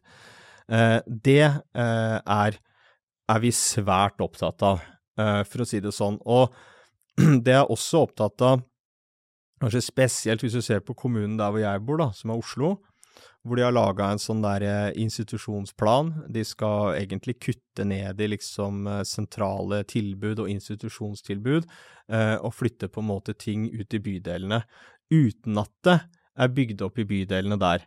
Sånn at hvis det blir sånn at vi nå kutter i behandlingstilbudet i spesialisthelsetjenesten i staten, og samtidig i hovedstaden, og det kan godt hende det er likt i andre kommuner, jeg har ikke helt oversikt her jeg sitter nå, kutter også i tilbudet eh, fordi at folk skal få tjenestene sine hjemme osv., så, videre, så er jeg, jeg er veldig bekymra spesielt for de mest sårbare, sårbare brukerne. Fordi at eh, det tar tid, for det første, å jobbe med relasjonelle problemer. Mm. Uh, og det å komme tilbake liksom etter at du har vært på et type døgnopphold eller sånt noe i noen måneder, det krever også på en måte at uh, egentlig så er det de samme folka som driver med behandlinga som må tilbakeføre, da. Det er jo mitt klare standpunkt, liksom, og vi mener at det integrerte ettervernet må legges til spesialisthelsetjenesten i samarbeid med kommunen. Uh, men, men da hvis de da kommer til i kommunen, så skal de ikke ha så mye av den type tilbud, og du skal mer i en sånn retning om at institusjonen er dårlig, hjemme er bra. Jeg liker ikke den ideen. Eh, det er flere grunner til det. Det ene er at en institusjon er ikke en institusjon. Eh, man har tatt et premiss her og mener institusjoner er dårlige. Eh, akkurat som man snakker om sånne vernehjem eller tunge psykiatriske institusjoner. Det er veldig sjeldent det er det det er snakk om. Det er gårder på landet og ikke sant, steder hvor folk kan spise og henge sammen og sånne ting, liksom var jeg også redd for at hvis man tenker at det blir mye bedre at disse personene skal sitte hjemme i leiligheten sin for å kunne motta offentlige tjenester der, at de blir sittende aleine. Mm. Uh, at de blir sittende aleine, uh, og med alt det det medfører, inkludert uh, økt fare for dødelighet. For det vet vi, at når folk dør, så er det fordi de er aleine. Mm. Så jeg har lyst til, lyst til å adressere det. Og så har jeg lyst til å Dette her vet jeg på en måte ikke, liksom, eh, men jeg er veldig bekymra for det. eh, og har vært ute og gitt beskjed, jeg tror det var ett år siden eller noe sånt noe. For jeg husker bare sånn, det var det momagene jeg drev og kåla til, ikke sant, og, og sto ned på plata der og alt sånt, jeg var rundt 2000, 2001, ikke sant, og så kom jeg i rehab i 2002. Det var i de åra der, 2001 og 2002, så hadde vi en sånn overdosetopp i Norge, da. Eh, og så har man vel ment at det var, det var en sånn type eksplosiv økning av heroin, eller jeg vet ikke helt hva man har ment, men i hvert fall ment at det er jo det man må mene, da, hvis man mener at det at man innførte LAR i 1998 var det som gjorde at de, den dødeligheten blei uh, såpass redusert som den ble. Eh, jeg er ikke sikker, fordi at man har jo sett da en skikkelig økning i LAR, og, og dødeligheten har stått ganske lik, ikke sant? Ja, og LAR, det er sånn Legemiddelassistert rehabilitering. Så Subutex og sånne Ja. type Ja. det, det er medisinene de bruker. Ja, ja, ja. Ja, vi er jo mot LAR. Ja. Rio, vi vil avvikle dagens LAR-ordning. Mm. Eh, vi er ikke imot medisinene. Eh, vi mener at medisinene skal gis, og man bør ha lavere terskel for å gi de og sånt, men også lavere terskel for at når folk ønsker å slutte med de, så må de få hjelp til å slutte med de. Mm. Eh, vi bare mener at LAR da, eh, er et sånn type særomsorgstilbud eh, som er basert på mistillit og kontroll, eh, og som gjør at man hele tiden på en måte utfordrer liksom friheten eh, til de personene som er, som er nødt for å gå på de medisinene, da, være i det, i det systemet. da. Mm. Men eh, poenget mitt, da, så, så er det for det første, vi hadde jo Rohypnol, vi hadde mange ting liksom, som sikkert gjorde at det her var veldig dødelig. Men jeg har bare hatt en mistanke om, og kan gå, jeg tar sikkert feil, så får noen bare korrigere meg, men jeg har iallfall hatt en mistanke om, det er at fordi Taliban, de før liksom eh, de allierte styrkene invaderte Afghanistan, etter 11. september og det terrorangrepet på USA, eh, så kutta Taliban ned opiumsproduksjonen med 95 Mm. De leverer mesteparten av, eh, av på en måte grunnlaget for heroin i, i Vest-Europa, ikke sant. Uh, og jeg tror at det, eller har tenkt at det kan ha ført til ujevn tilførsel av heroin, eh, og varierende kvalitet på den heroinen. Eh, og hva gjør du hvis du har dårlig heroin ikke sant, en dag, du supplerer med noen andre greier, og så tar du kanskje det samme dagen etterpå, samme dosen, og den er veldig mye sterkere, ferdig er du. Mm. Særlig i kombinasjon med Rohypnol, som på en måte var veldig mye av på markedet den gangen, og, eh, og alkohol. Sånn at jeg har tenkt at liksom, selvfølgelig har nok LAR hatt en virkning og alt sånt der, men jeg, jeg syns at man bør kanskje i noen grad mer se på, iallfall enn jeg har fått med meg at man har gjort, eh, hva eh, rett og slett markedet har å si, som vi er så imot å skulle prøve å, å regulere eller gjøre, gjøre noe som helst med. Punkt, det var det, det var historien. Nå er vi der igjen, ikke sant, fordi at de allierte styrkene trakk seg ut av Afghanistan. Veldig vellykka prosjekt, forresten, hvor Taliban da Hva jeg husker altså, jeg husker liksom sånn derre på midten av 2000-tallet, jeg prata med folk, liksom, kolleger av meg og alt sånt der, da. Vi, da var vi i Afghanistan for å innføre demokrati, og, og var det kvinner skulle få bedre rettigheter, det var feministiske argumenter til og med, så det var veldig mye rare greier, liksom. da, Så nå 20 år etterpå, ikke sant, så er Taliban her tilbake, og damer får ikke gå på skolen, så det er bare å ta av seg hatten, da. Men i alle fall så har det går ikke alltid sånn som man har tenkt, eller? Får håpe det, da. Og så, eh, og så er da Så er vi der igjen, ikke sant? Eh, og Taliban har varsla at de skal kutte ned opiumsproduksjonen. En forskjell fra den gangen er at jeg har vært redd for at det hullet ikke fylles med Rohypnol denne gangen, men med fentanyl eller andre typer syntetiske opioider. Eh, fordi at den tendensen har vi sett i noen andre land som vi ikke liker å sammenligne oss med, som eksempel USA, da. Uh, så, uh, så jeg er jeg er bekymra for det, og i fjor så sa vi fra i vårt land, og vi ba om at det, at det settes ned altså en gruppe eller et eller annet som kan på en måte risikovurdere det her, uh, og, og, og se hva da man kan gjøre, sånn at man på en måte er tidlig ute, uh, istedenfor å komme etterpå, eh, sånn som man kanskje gjorde på, på begynnelsen av, uh, av 2000-tallet. Mm. Mm. Ja. Og det kan jo være ganske skadeforebyggende, da. Ja, jeg- jeg tenker-. Ja, jeg tenker det. At det er, eh, at det, er, det, er det som er forebygging, sånn jeg ser det. Uh, Så du forebygger den skaden. Jeg, jeg tror ikke Jeg tror ikke man kan forebygge rusbruk. Altså, jeg syns det, altså, det er veldig pussig at man snakker om forebygging som at det er for å forebygge rusbruk, liksom. Man gjør jo ikke det, forebygger jo ikke at folk skal ha sex, for eksempel. Ikke sant? Du, du forebygger jo, du forebygger jo liksom, holdt jeg på å si, konsekvensen av sex, da, eller ikke sant, eller at det skal skje negative ting i forbindelse med sex, og man må liksom det å forebygge noe som du uansett ikke Du kan ikke kontrollere det, ikke sant? Du kan ikke sette inn tiltak som på en måte er store nok, breie nok, liksom, sånn at du kan tro at det skal føre til den andre enden at færre Så det er veldig, det er veldig, det er veldig vanskelig politikk eh, å skulle ha. Og jeg skal lese, jeg anmeldte den der boka til han, han Bramnes og hun Bredtvet Jensen, den store cannabisboka. Ja. Der er det et interessant kapittel eh, som går på forebygging av cannabis.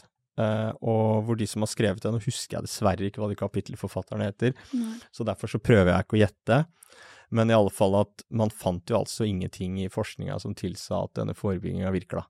Mm. Uh, mens at i noen tilfeller så har den kanskje hatt motsatt effekt, da. Sånn at du har liksom oppnådd, uh, oppnådd kanskje det motsatte, at du har gjort det mer interessant, eller på en måte økt sannsynligheten liksom for at folk skal eksperimentere eksperimentere med et rusmiddel. Men hele den forebyggingsideen, uh, den er uh, for meg fremstår Ja, på individnivå, det er det du tenker da. For forebygging på gruppenivå kunne jo vært at folk hadde det generelt bedre på skolen, eller altså sånn Ja, men da kan det hende at de bruker sett. mer rusmidler òg, ja. ikke sant? ja, ja, eh, men, at det, men, at det, blir mindre skadelig. Ja, sant? Hvis folk har mer penger i samfunnet, mm. så har de også mer, ikke sant?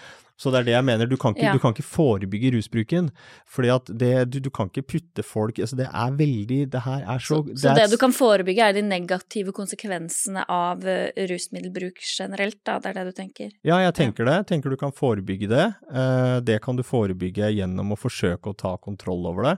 Og i det minste, da, se på tingenes tilstand for hva de er, ikke hvordan du ønsker at verden skal være. Mm. Ikke sant? Vi får ikke det narkotikafrie samfunnet. Ikke sant? Det er ikke så lenge siden vi sa at vi skulle ha det. 1998 så samla hele verden sine land seg og sa at a drug-free world, we can do it. Ikke mm. sant? Det var det FNs medlemsland sa i 1998. Det er det ingen som tror på i dag. Jeg opplever det var siste krampetrekninga, liksom. Og hvis du ser på stortingsmeldingene fra sånn type hvis du tar bare det å gå på narkotika, da, fra type 60-tallet og fram til i dag, så var det det det var. Det er en krig mot narkotika. Skulle ha et narkotikafritt samfunn, samfunn fritt for narkotika, med sterk sosial kontroll og sosialdemokratiske verdier og ikke sant. Det har vært alle, alle de tingene der. Men vi ser jo at det ikke går. Og selv nå, når man har avvist en avkriminalisering for å sende et viktig signal om hvor farlig narkotika er, så dukker det bare opp 600 kilo i en Bana-kasse der, og 600 kilo der, og, og så kommer det noen influensere og snakker om ikke sant? Det er helt liksom Dette her, det er ikke eh, det, det, det, Vi trenger liksom at det er noen voksne hjemme noen voksne hjemme i i, eh, i, eh, den, i den diskusjonen, da. Og vi må selvfølgelig hjelpe folk når de har problemer, og så må vi sørge for at ungdom ikke blir havna i, havn, altså havner i hjelpeløse situasjoner. Jeg mener at vi plasserer dem i hjelpeløse situasjoner ved at vi a. ikke gjør det mulig for dem å innta rusmidler på en trygg måte, og at vi forverrer dem og bruker politiet mot dem. Uh, det mener jeg er det, er det, er det samme som å legge til rette for skadelig bruk uh, og for økt sykelighet og økt dødelighet. Da. Så det er noe med at vi bare må akseptere, ikke sant, tror jeg for veldig mange, de må faktisk akseptere at nei, krigen mot narkotika, den er tapt. Det var en veldig dårlig idé. Vi har ødelagt ekstremt mye um, i det forsøket der. Uh, på samme måte som Hvor mange er det som tror på liksom, krigen mot terror i dag, da? Bare for å ta det som et eksempel, liksom. Mm. Uh, vi skal ikke føre noen krig mot noen mennesker. Eh, vi skal på en måte bygge og lage et samfunn eh, som er inkluderende, og hvor vi forsøker å på en måte bidra sånn at folk har muligheten til å kunne ta gode valg for seg selv og sine nærmeste. Og også da med at man samtidig respekterer integriteten til det enkelte individ sin eh, kropp, da, som er det er det vi har, liksom. Mm. Mm. Ja, veldig mye kloke ord på slutten der. okay. Ja, men eh, er det noe mer du føler at du eh, vil formidle nå? Er det noe mer du opplever at du eh, vil si, sånn før vi tar og runder av? Jeg syns det har vært en veldig ja. interessant prat. Ja, nei, det er bare det at jeg Det er bare det at At jeg At jeg håper at vi kan fortsette liksom i den retninga som vi er, og at alle vi som står for det, må på en måte være veldig påpasselige med de liksom konservative tiltakene som man prøver å sette inn nå, uh, og kunne være årvåkne og kritiske og følge med, med på det. Uh, og så at vi at vi har en debatt uh, hvor vi klarer å få med oss et bredt lag igjen når vi vil gjøre endringer. jeg tror kanskje det viktigste akkurat nå er selvfølgelig de tingene som går på tiltak og sånn, men det er altså disse personene som selger og omsetter rusmidler, eh, som har altså veldig Jeg syns det er et veldig høyt straffenivå. Så i det minste, om vi kan begynne der, med å diskutere om vi faktisk skal ha 21 års fengsel som potensiell straff eh, for narkotikakriminalitet i Norge. Mm. Ja. Takk for at du ville komme til Snakk med Silje. My pleasure.